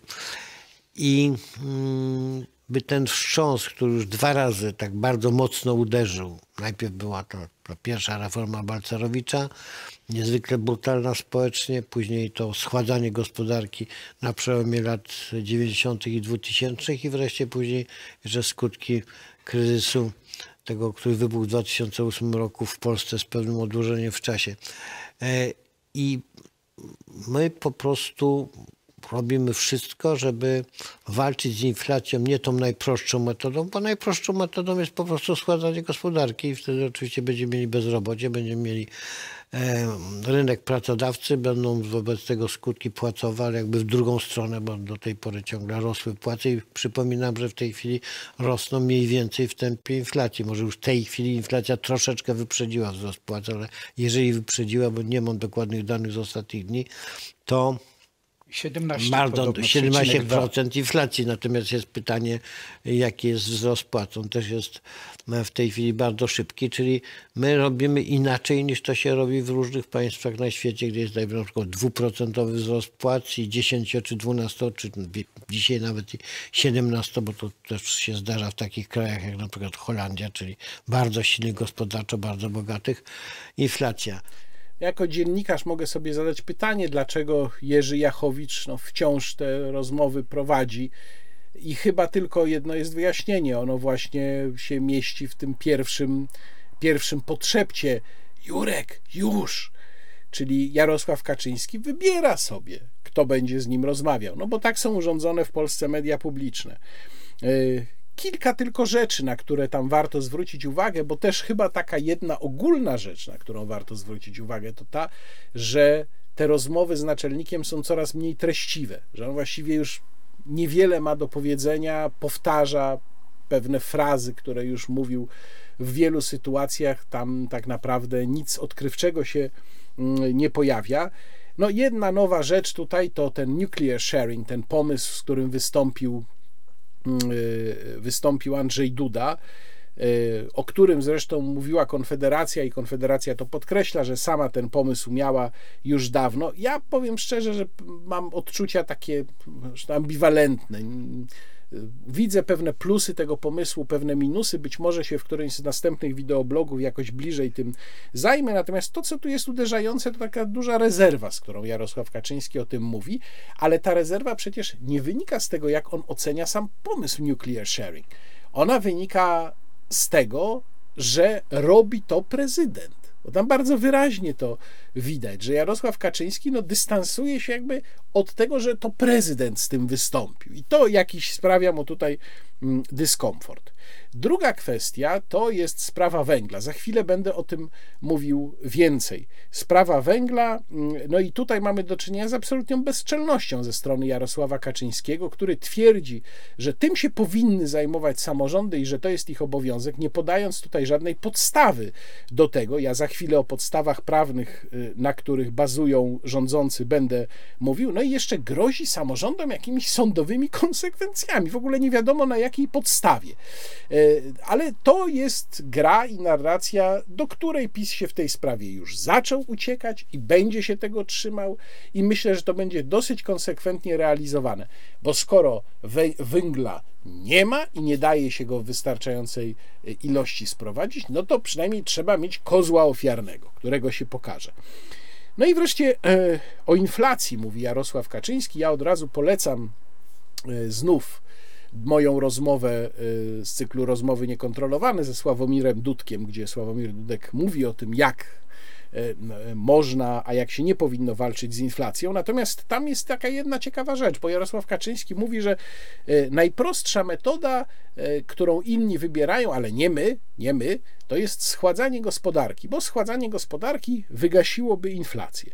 I że my tego nie wybieramy, tylko że dopiero co na konferencji prasowej, która chronologicznie zresztą się odbyła chyba już po tym wywiadzie, e, Adam Glapiński po decyzji Rady Polityki Pieniężnej o niepodnoszeniu stóp procentowych, e, Adam Glapiński powiedział w zasadzie dokładnie coś przeciwnego. To znaczy powiedział, że e, stopy procentowe mogły nie zostać podniesione, bo inflacja i tak y, będzie w naturalny sposób zwalczana przez to, że zaczyna się spowolnienie gospodarcze. Czyli Adam Glapiński powiedział coś, co stoi w, w dużej sprzeczności z tym stwierdzeniem Jarosława Kaczyńskiego.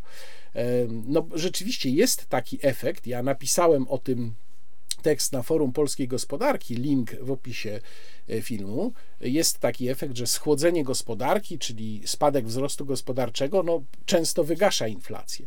Tylko, że my możemy być w takiej sytuacji, to już nawiązuje do słów Adama Glapińskiego, że to schłodzenie gospodarki wcale nie wygasi inflacji i wtedy co dostajemy? I wtedy dostajemy stagflację. Najgorsze połączenie, o którym zresztą nawet przedstawiciele rządu już mówili, czyli połączenie właśnie bardzo wysokiej inflacji ze stagnacją gospodarczą. I ze stagflacji bardzo ciężko jest wyjść. Skoro Jarosław Kaczyński wspominał o węglu, no to tym węglem trzeba się znowu niestety zająć, bo proszę Państwa, węgla we wiosce nie ma. Przywieźli węgiel! Zaczęło się od tego, że najpierw członkowie rządu zaczęli epatować Mm, przepisami, które miały rzekomo uzasadniać to, że samorządy mają obowiązek dostarczać obywatelom węgiel. E, no i to oczywiście działo się już w kontekście tego pomysłu, że samorządy mają stać się dystrybutorem węgla, bo żeby było jasne, to dostarczanie węgla ma polegać na dystrybucji, ale dystrybucja jest procesem zakupu z jednego miejsca i sprzedaży odbiorcy końcowemu. No i tutaj przywoływano dwa przepisy, to tam też pani minister Moskwa wrzucała na Twittera.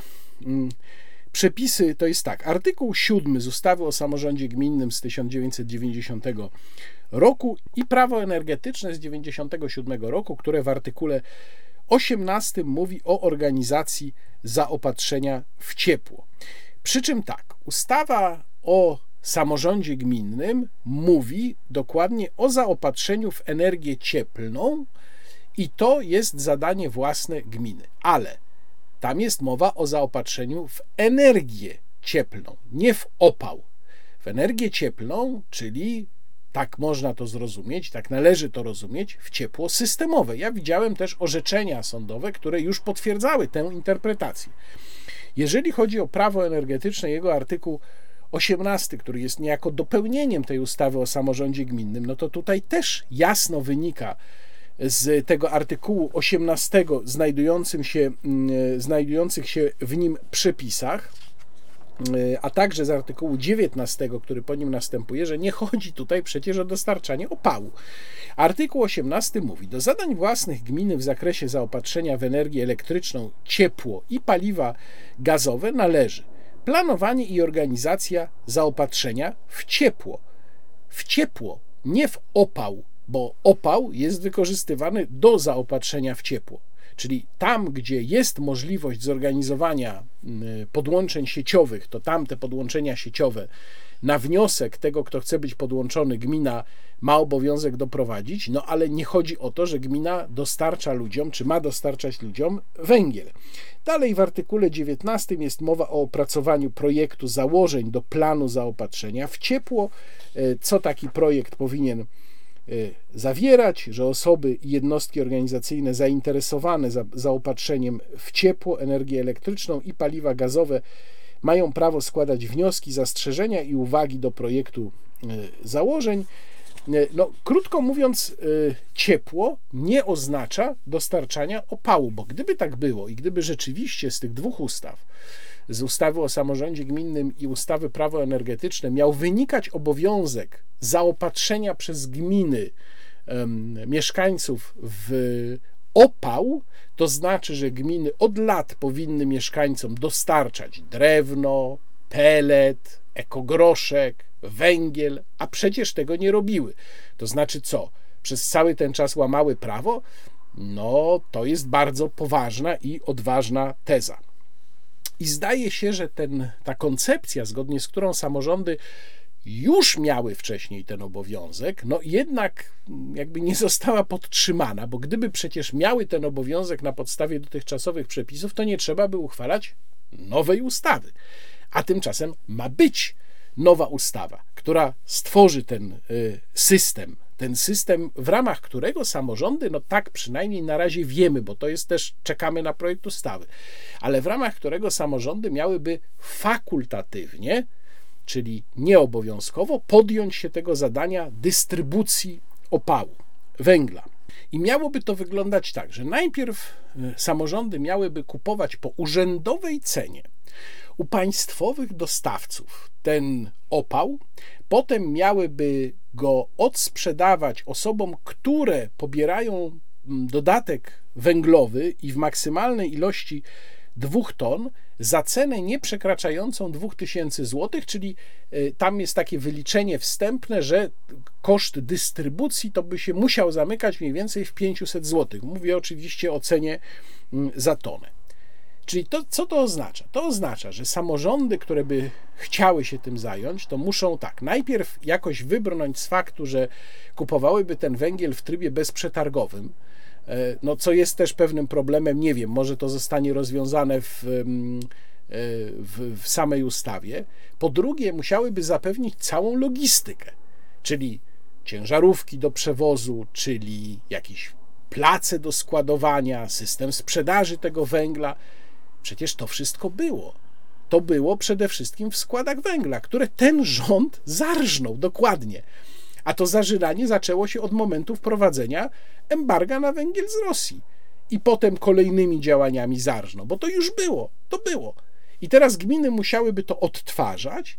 No i podstawowa sprawa, przecież od tego węgla nie przybędzie. No więc O co tutaj chodzi? To jest kolejna próba spowodowania, żeby herbata od mieszania stała się słodsza, a to tak po prostu nie działa. Pomijając już fakt, ile rzeczywiście samorządy musiałyby wydać na ten cały system, bo to zaczyna trochę przypominać tę pierwszą koncepcję z rekompensatą za sprzedaż węgla po niższej cenie, która miała zachęcić przedsiębiorców do tego, żeby w to wchodzili. Oczywiście nikogo nie zachęciła. To, to ten system trochę to przypomina. To już pomijając te koszty, które samorządy będą musiały ponieść, to przede wszystkim węgla, jak mówię, nie będzie a jeżeli będzie, to będzie e, bardzo drogi. No i tutaj rząd obiecuje, że jeżeli będzie droższy niż te powiedzmy 1500 zł za tonę, to on to samorządom jakoś tam wynagrodzi. Czyli znów trochę tak jak z tymi przedsiębiorcami, którzy mieli te rekompensaty e, za wyższą cenę niż 996 zł, dostawać po długim tam czasie i składaniu wniosków. No to samorządy, które są często już prawie z nosem pod wodą, jeżeli chodzi o finanse, myślę, że nie będą chętne. No i właśnie zdaje się, że na to rząd liczy, bo przecież o co tutaj idzie? Słusznie napisał na Twitterze profesor Robert Gwiazdowski, że gdyby rząd sądził, że węgiel jest i będzie, to przecież by nie oddawał tego zadania samorządom, bo wtedy ludzie by mogli uznać, że proszę bardzo, to, że dostajemy węgiel, to zasługa samorządów. A przecież kompletnie nie taka jest idea tego. Idea tego jest taka, żeby zrzucić winę za brak węgla na samorządy, czyli że węgla nie ma i rząd to wie, że go nie będzie. I wtedy będzie mógł pokazać, że o, proszę bardzo, zły samorząd pełowski tam węgla nie sprowadził, węgla we wiosce nie ma, proszę państwa, dla ludzi. I tak oczywiście się będzie działo. Część samorządów w ogóle się za to nie weźmie i myślę, że to będzie większa część, bo po prostu no, nie mają do tego infrastruktury, yy, musiałyby kontrakty podpisywać z firmami od przewozu węgla, musiałyby wynajmować jakieś place do przechowywania tego węgla. To jest w ogóle absurd, prawda? Więc część nie wejdzie, a część, która wejdzie, no pewnie albo sobie z tym nie poradzi, albo się okaże, że ten węgiel jest za drogi, że nie wiadomo kiedy te rekompensaty będą od rządu. Więc myślę, że będą jakieś tam samorządy pisowskie, które dostaną po prostu prikaz, tam ma to robić, żeby pokazać, no i oni będą coś próbowali robić, natomiast reszta nie. No i skutek tego będzie dokładnie taki, że przez większość zimy będziemy mieli taką narrację, że to nie Mateusz Morawiecki, który wprowadził to debilne embargo od połowy kwietnia na rosyjski węgiel, tylko złe panie samorządy węgla nie sprowadziły. I tylko o to tak naprawdę w tym teatrzyku chodzi. Dział kulturalny. Ile ja mam Państwu dzisiaj do powiedzenia, wszyscy wielbiciele spraw kulturalnych, niech teraz się skupią, bo przed nimi naprawdę dużo informacji. Mam nadzieję, że one Państwa zainspirują. Byłem na Podkarpaciu i pierwsze miejsce, do którego pojechałem, to była Bubrka. W Bubrce jest Muzeum Przemysłu Naftowego i Gazowniczego imienia Ignacego Łukasiewicza. E, w tym muzeum, od razu to pokazuję, warto kupić sobie w pawilonie, mm, gdzie się wchodzi i kupuje bilety, taki oto znakomity przewodnik, świeżo wydany, no to jest chyba z zeszłego roku wydawnictwa, albo nawet z tego. Bardzo dobra książka, która zarówno pokazuje e, i, i mówi dużo bogato ilustrowana i mówi dużo o samej teorii, sposobach wydobycia ropy naftowej, y, zwanej olejem skalnym, tradycyjnie kiedyś, y, jak i jest przewodnikiem właśnie po y, samym muzeum. Muzeum jest imienia Ignacego Łukasiewicza i może niewielu z Państwa pamięta, ale my mamy rok Ignacego Łukasiewicza. Mamy też rok Józefa Mackiewicza jednocześnie, ale też mamy rok Ignacego Łukasiewicza, właśnie ten. E, a Bubrka obok Borysławia była jednym z najważniejszych ośrodków. O Borysławiu zresztą wspominał w swoim słynnym wierszu Całujcie mnie wszyscy w D. Julian Tuwim. A psztyfikanci grubej Berty i katowickie węglokopy i borysławskie naftowierty i lodzermęższe bycze chłopy. W tym muzeum w Bubrce która była miejscem pracy również Ignacego Łukasiewicza. Mamy ekspozycję w pawilonie wystawowym, gdzie przeczytamy między innymi szczegółowe informacje na temat życiorysu e, polskiego wynalazcy lampy naftowej i właśnie zapoznamy się z różnymi technologiami wydobycia ropy, ale przede wszystkim mamy coś w rodzaju skansenu, gdzie na powietrzu, na dużym terenie, bardzo pięknym zresztą, położonym w lesie, mamy między innymi rekonstrukcję tak zwanych kopanek, czyli takich pierwszych szybików naftowych, rekonstrukcję szybów, ekspozycję budynków, które tam w Bubrce stały. W tych budynkach jest, są wystawy multimedialne, bardzo ciekawie zrobione. Na przykład w jednym miejscu, gdzie mamy rekonstrukcję wnętrza apteki, e, a dlaczego apteki za chwilę wyjaśnię. Wchodzimy i wita nas holograficzny aptekarz, który toczy dialog z takimi wyimaginowanymi gośćmi wchodzącymi do tej apteki. Jest to naprawdę świetnie zrobione i to jest na kilka dobrych godzin oglądania. A dlaczego apteka? No dlatego, że e, Ignacy Łukasiewicz był przede wszystkim i zaczynał jako aptekarz i w aptece zaczęło się jego zainteresowanie eksperymentowaniem właśnie z olejem skalnym. Ignacy Łukasiewicz, który był człowiekiem niezmiernie skromnym, nawet niektórzy twierdzą aż do przesady skromnym. Był właśnie aptekarzem z zawodu, był też patriotą, bawił się w pewnym momencie, w, kiedy był młodszy, bawił się w, w konspirację, no ale mieszkał w Galicji, mieszkał w Cesarstwie Austriackim, potem Austro-Węgierskim, więc e, ta konspiracja, no wiadomo, w Galicji życie polityczne wyglądało trochę inaczej i e, ostatecznie Ignacy Łukasiewicz z tej drogi życiowej być może na szczęście zrezygnował, ale zdążył jeszcze pod koniec życia zostać nawet posłem do Sejmu Krajowego, czyli właśnie Sejmu mm, Galicyjskiego. E, w, na tej wystawie plenerowej, jak powiedziałem, możemy zobaczyć mnóstwo różnych sprzętów, łącznie z tymi bardziej współczesnymi, łącznie z odtworzonym takim polem naftowym, gdzie widzimy wszystkie najważniejsze urządzenia. Niektóre zresztą z tych kopanek e, wciąż działają, bo tam mamy dwa rodzaje. Są rekonstrukcje, no one są oczywiście tylko na powierzchni, ale mamy też działające kopanki i małe szyby, i to od razu czuć to czuć po prostu, jak człowiek tam przychodzi, bo jest taki bardzo charakterystyczny zapach. Są też zresztą tablice, y, sądzę, że wymagane y, jakimiś rozporządzeniami, które umieszczone są na tych y, starych kopankach i ostrzegają przed wybuchem. Bardzo dużą ciekawostką, taką, na którą zwróciłem szczególną uwagę, bo przypomniałem sobie tę historię z czasów dzieciństwa, jest odstrzelony i nie używam tego słowa w przenośni, dosłownie odstrzelony tak zwany prewenter z szybu Karlino 1 e, w Karlinie.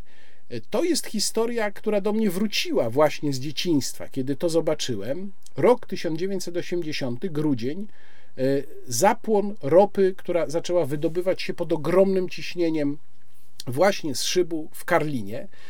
I ta historia trwała cały miesiąc. Tam próby y, opanowania tego najpierw trwały dobrych kilka dni, i ostatecznie okazało się, że żeby w ogóle podejść do tego szybu, żeby można tam było założyć takie no, nowe uszczelnienie, przydusić ten płomień, to przede wszystkim trzeba się z niego pozbyć uszkodzonego tego prewentera, który powodował, że płonąca ropa naftowa wydobywała się na boki, nie dawało się tam podejść i jak się tego pozbyć. No i ostatecznie zdecydowano się na taką metodę, że przyjechała po prostu odpowiednia chałbica, też nie pierwsza okazała się właściwa, bo tam trzeba było kilkakrotnie zmieniać kaliber.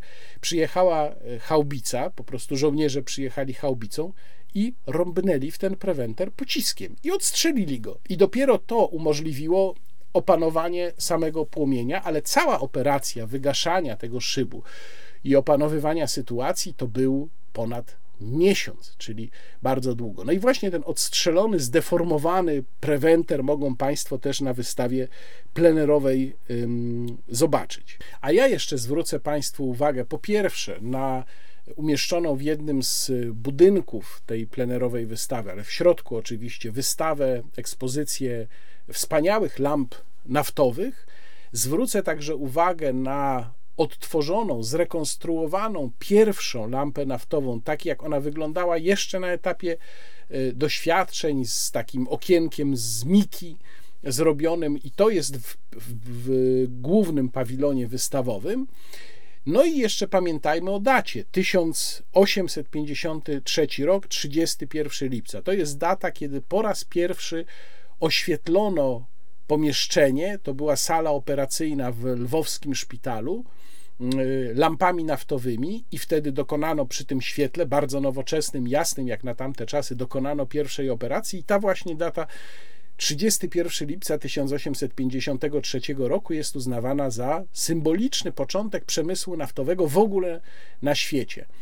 A ten przemysł naftowy w Polsce, mm, który no, dawał nadzieję też w pewnym momencie na naprawdę duże zyski, bardzo się rozwinął, był na początku XX wieku, potem jeszcze w czasach międzywojennych też był dosyć istotny.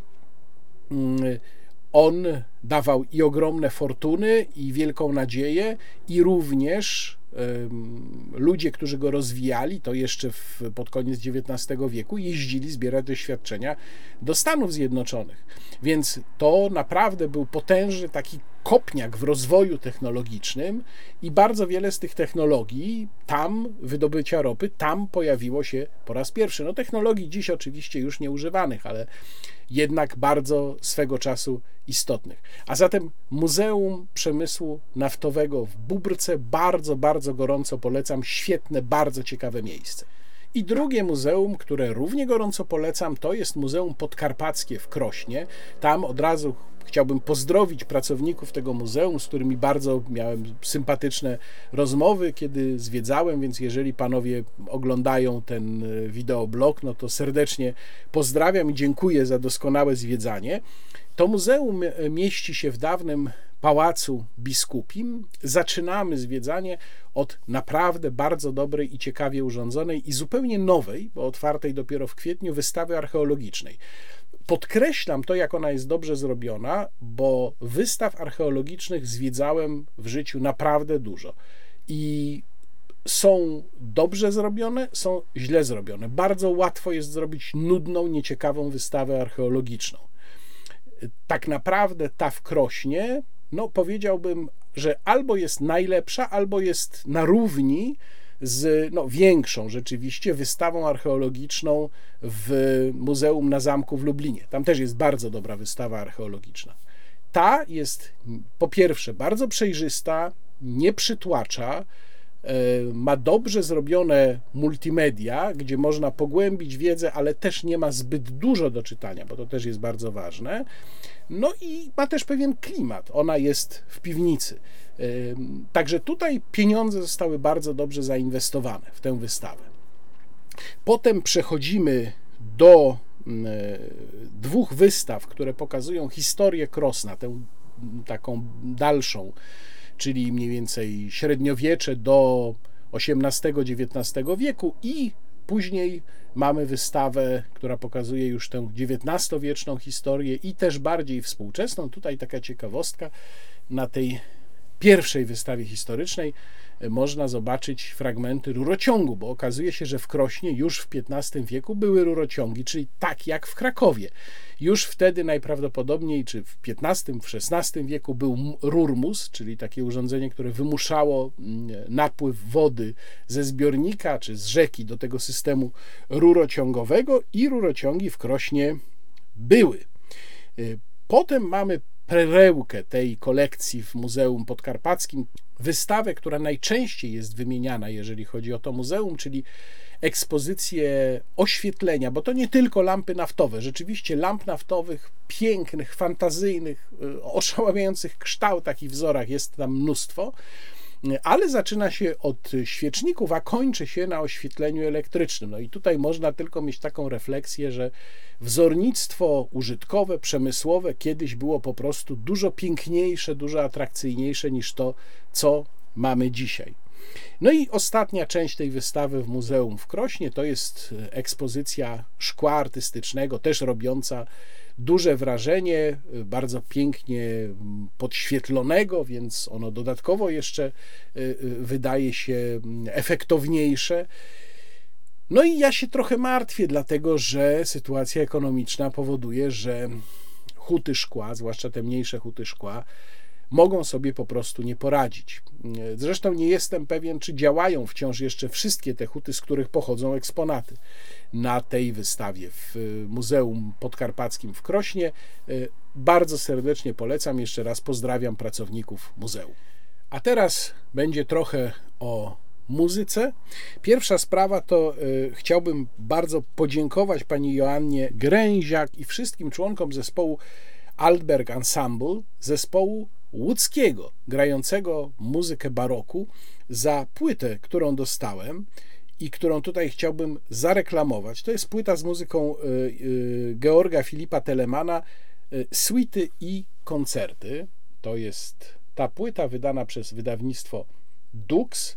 Bardzo dziękuję pani Joannie za miły list, który do tej płyty został dołączony. No i dwa słowa o tym, co na tej płycie jest. Otóż mamy tutaj trzy suity Telemana i taki dosyć znany concerto Polonois G-dur. Dlaczego Polonois? No, dlatego, że Telemann pracował e, przez jakiś czas, zanim zainstalował się w Hamburgu na większość życia jako tak zwany dyrektor muzyczny, e, pracował w Pszczynie i w Żarach u rodziny Promnic.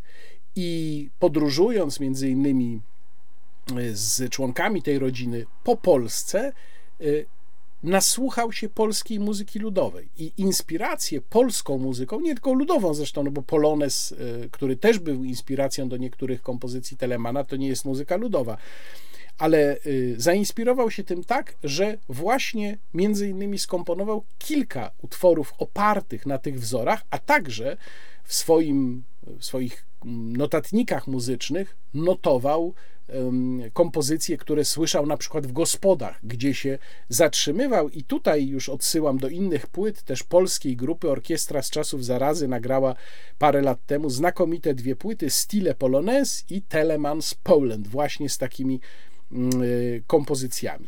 Ja natomiast jeszcze raz polecam tę płytę, bo muszę powiedzieć, że interpretacja Telemana, który jest jednym z moich ulubionych kompozytorów, ja te kompozycje też znałem już wcześniej, ale interpretacja Telemana, którą właśnie Altberg Ensemble proponuje, bardzo mi się podoba. Nawet szczerze mówiąc, bardziej niż interpretacja, którą chyba około 20 już lat temu na płycie, na swojej płycie mm, zaprezentowała kultowa już dzisiaj muzyka Antiqua Köln.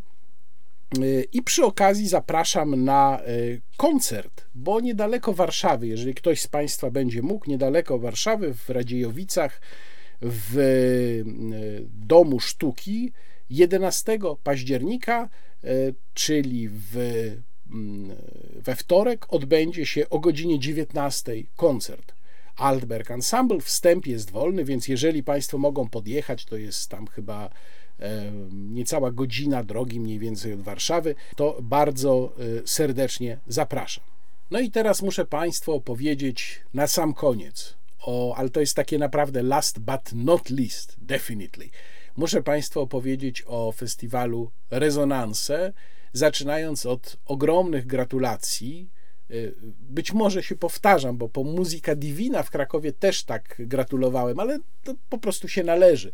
Od ogromnych gratulacji dla całej Fundacji Incanto za zorganizowanie tego wspaniałego festiwalu trzydniowego na Podkarpaciu. Pięć koncertów w przepięknych świątyniach drewnianych. Y, gratuluję nie tylko szefostwu fundacji, y, ale również wszystkim wolontariuszom, bez których te koncerty by się nie mogły odbyć, a którzy naprawdę zapewniają przy tych festiwalach organizowanych przez Muzyka Divina świetną obsługę i opiekę wszystkich słuchaczy. Myślę, że każdy, kto w tym brał udział, to wie, z jakim zaangażowaniem ci wolontariusze pracują. Więc dziękuję wolontariuszom, dziękuję również e, e, fotografom, pan Piotr Łysakowski, pani Paulina Krzyżak, którzy fotografują e, imprezy Fundacji Incanto i dzięki temu mogą Państwo na profilu mm, festiwalu Rezonanse, na profilu Muzyka Divina znaleźć wspaniałe zdjęcia, które chociaż trochę przywołują atmosferę tamtych koncertów.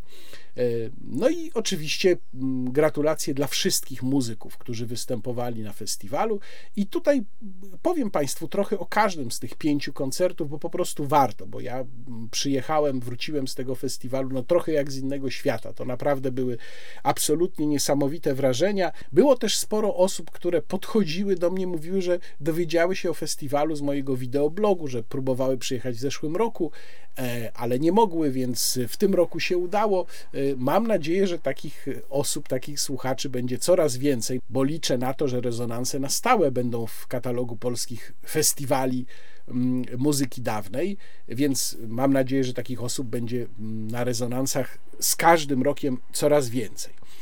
A zatem czego mogliśmy posłuchać? Pierwszy koncert to była cerkiew świętego Michała Archanioła w Bystrem i to było myślę, że mniej niż kilometr od granicy ukraińskiej. Y, piękna świątynia. Tam posłuchaliśmy oficjum o trzech zbożnych młodziankach w piecu ognistym. To jest taka ciekawa forma w wykonaniu y, scholi Węgajty we współpracy z chórem serbsko-bizantyjskim imienia Mojseja Petrowicza z Belgradu, a mm, szefem tego całego przedsięwzięcia i muzycznym kierownikiem był doskonale znany bywalcom festiwali Fundacji Incanto, pan Marcin Abijski. Otóż ta, to, to oficjum to jest taka bardzo ciekawa forma, która no, ma co najmniej kilkaset lat, bo wtedy po raz pierwszy to konkretne oficjum zaczęło być odnotowywane. Ono jest oparte na trzecim rozdziale księgi proroka Daniela, gdzie mowa jest o tym, jak to król Nabuchodonozor stworzył takiego złotego idola, któremu kazał oddawać cześć swoim poddanym, ale trzech młodych Żydów odmówiło właśnie tego i za to zostali wrzuceni rozkazem króla Nabuchodonozora do ognistego pieca, gdzie mieli się spalić, ale się nie spalili, ponieważ zaczęli się modlić i anioł pański e, się pojawił, osłonił ich od wszelkich skutków tego, tego ognia, no i potem wyszli z pieca, czy zostali ułaskawieni przez króla Nabuchodonozora. I to wszystko y, ma formę czegoś w rodzaju przedstawienia. To jest coś pomiędzy samym śpiewem a przedstawieniem. Tam jest pewien, pewien ruch, pewna choreografia, więc e, jest to bardzo specyficzna muzyka, ale e, bardzo ciekawy koncert, w który się trzeba wsłuchać, bo też to brzmienie wschodnich śpiewów jest bardzo specyficzne dla zachodniego ucha. I ja się też spotykałem z opiniami, że nie każdemu to się podoba. Na mnie to działa, powiedziałbym tak kontemplacyjnie. Niby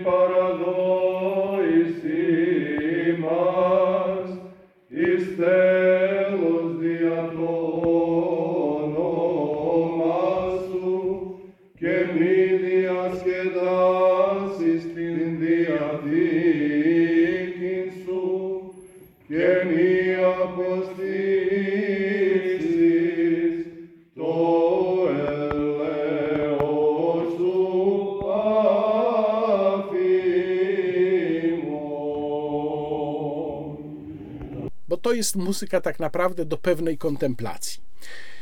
E, potem mieliśmy e, w kościele drugiego dnia, w kościele świętych Piotra i Pawła w Tyrawie Solnej, który co ciekawe jest również cerkwią grecko-katolicką, bo e, tam w regionie jest sporo całkiem kościołów, które pełnią tę podwójną funkcję ze względu na swoje losy w historii, gdzie kiedyś były świątyniami wyłącznie grecko-katolickimi, potem przeszły do parafii katolickiej y, i połączono te funkcje, czyli odbywają się tam i nabożeństwa katolickie, i grecko-katolickie. No i w tym kościele słuchaliśmy mm, amerykańskiej śpiewaczki Anne Catherine Olsen i grającego na lutni Argentyńczyka Ariela Abramowicza. To był koncert dworskiej muzyki angielskiej. Mm, a później Robert Bachara, skrzypek, e, z towarzyszeniem Jana Ciżmarza, lutnisty czeskiego, zagrał koncert radosnych tajemnic z sonat różańcowych Franca Ignaca Bibera. Naprawdę świetne wykonanie i tu parę słów muszę powiedzieć o sonatach różańcowych Bibera, bo to jest bardzo ciekawy utwór rzadko wykonywany na żywo, a y, pan Bachara, mm, z którym chwilę rozmawiałem, y, wykonuje całość, czyli 15 utworów, bo ten cykl się składa z 15 utworów, to jest po 5 y, tajemnic radosnych, bolesnych i chwalebnych różańca, zakończonych pasakalią Bibera.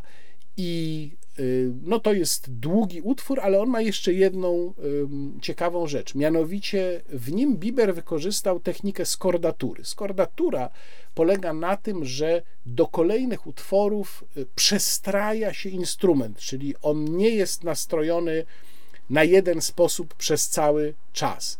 Y, o tym mówił w trakcie swojego koncertu z wykorzystaniem lira viol, znakomity gambista Mateusz Kowalski w czasie festiwalu Muzyka Divina, z tym, że Mateusz Kowalski tam w trakcie koncertu swoją e, lira viol przestrajał właśnie w ramach skordatury, natomiast Robert Bachara nie przestrajał skrzypiec, bo to by zajęło mnóstwo czasu, tylko i to był chyba pierwszy taki koncert, w którym brałem udział, miał do dyspozycji po prostu pięcioro skrzypiec. E, korzystał z jednych, pozostałe były odłożone i on korzystał z tych, które akurat były nastrojone tak, jak do danego utworu, do danej części sonat różańcowych powinny być mm, e, nastrojone.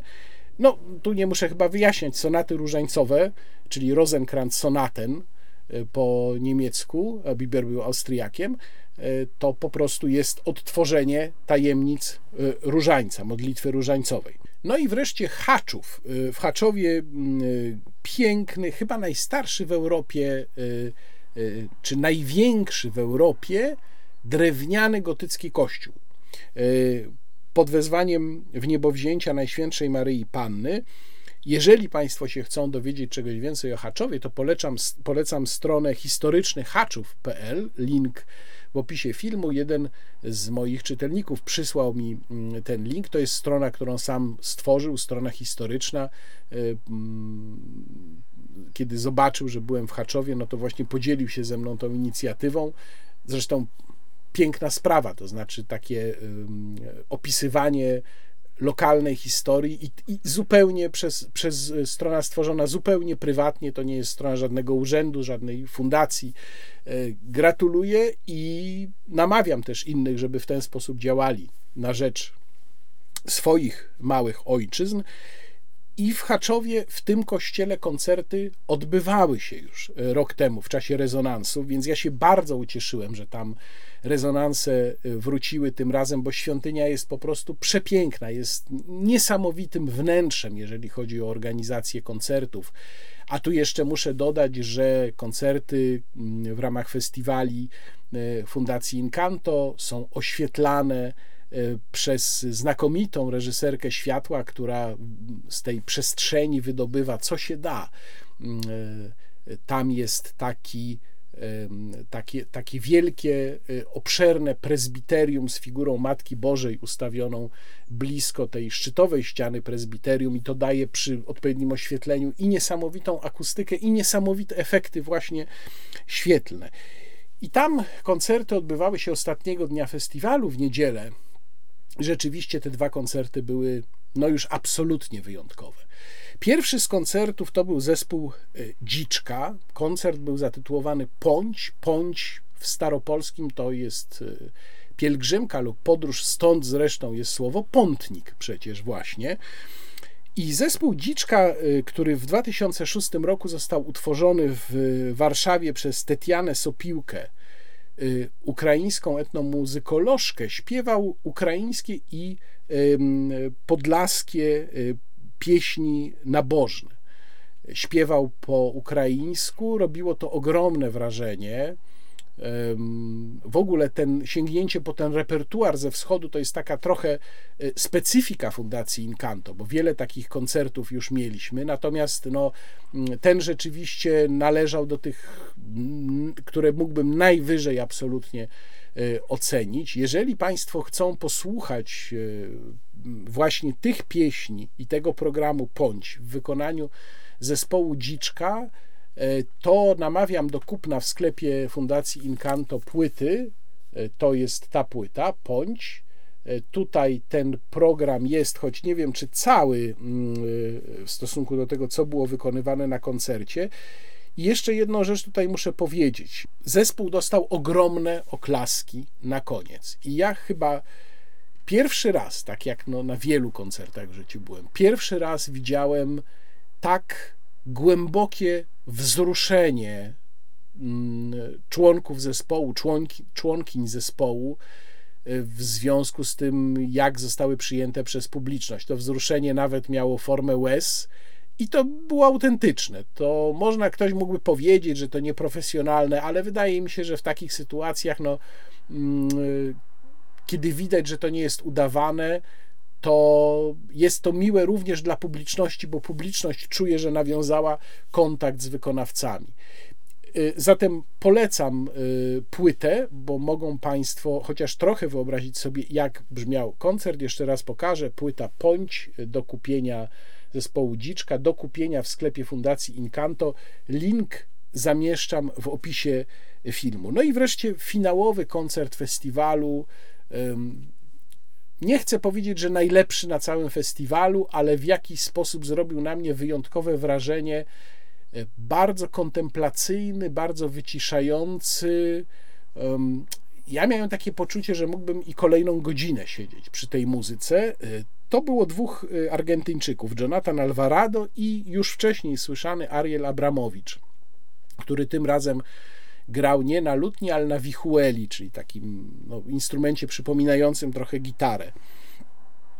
Koncert w programie miał kompozycje sakralne z Ameryki Południowej, ale właśnie co ciekawe, stworzone tam w XVI-XVII wieku, a nie przywiezione z Europy i tam tylko opracowane bardzo spokojna muzyka w tym wnętrzu kościoła w Haczowie robiła takie wrażenie, jakbyśmy się znaleźli w zupełnie innym świecie. Mnie przypominało to e, trochę mm, e, kompozycję Cristobala Moralesa, bo przecież była to muzyka inspirowana rzeczywiście muzyką hiszpańską, no bo takie wpływy tam były.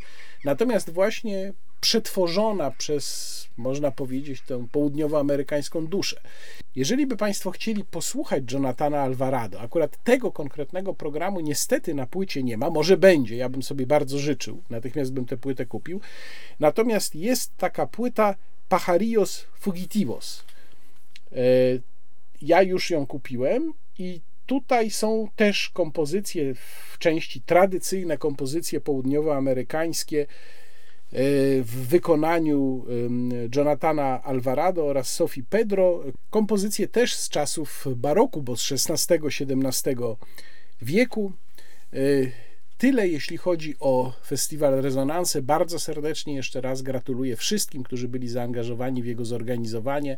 Czekam na kolejny, no a wcześniej na Muzyka Divina. Polecam Państwu Fundację Incanto. Bardzo dziękuję za E, dzisiejsze spotkanie. Bardzo dziękuję za wszystkie polubienia, komentarze. Bardzo dziękuję wszystkim mecenasom i proszę nie zapominać, że od teraz na kanale więcej materiałów. No i oczywiście wideoblogi tradycyjnie nadal również.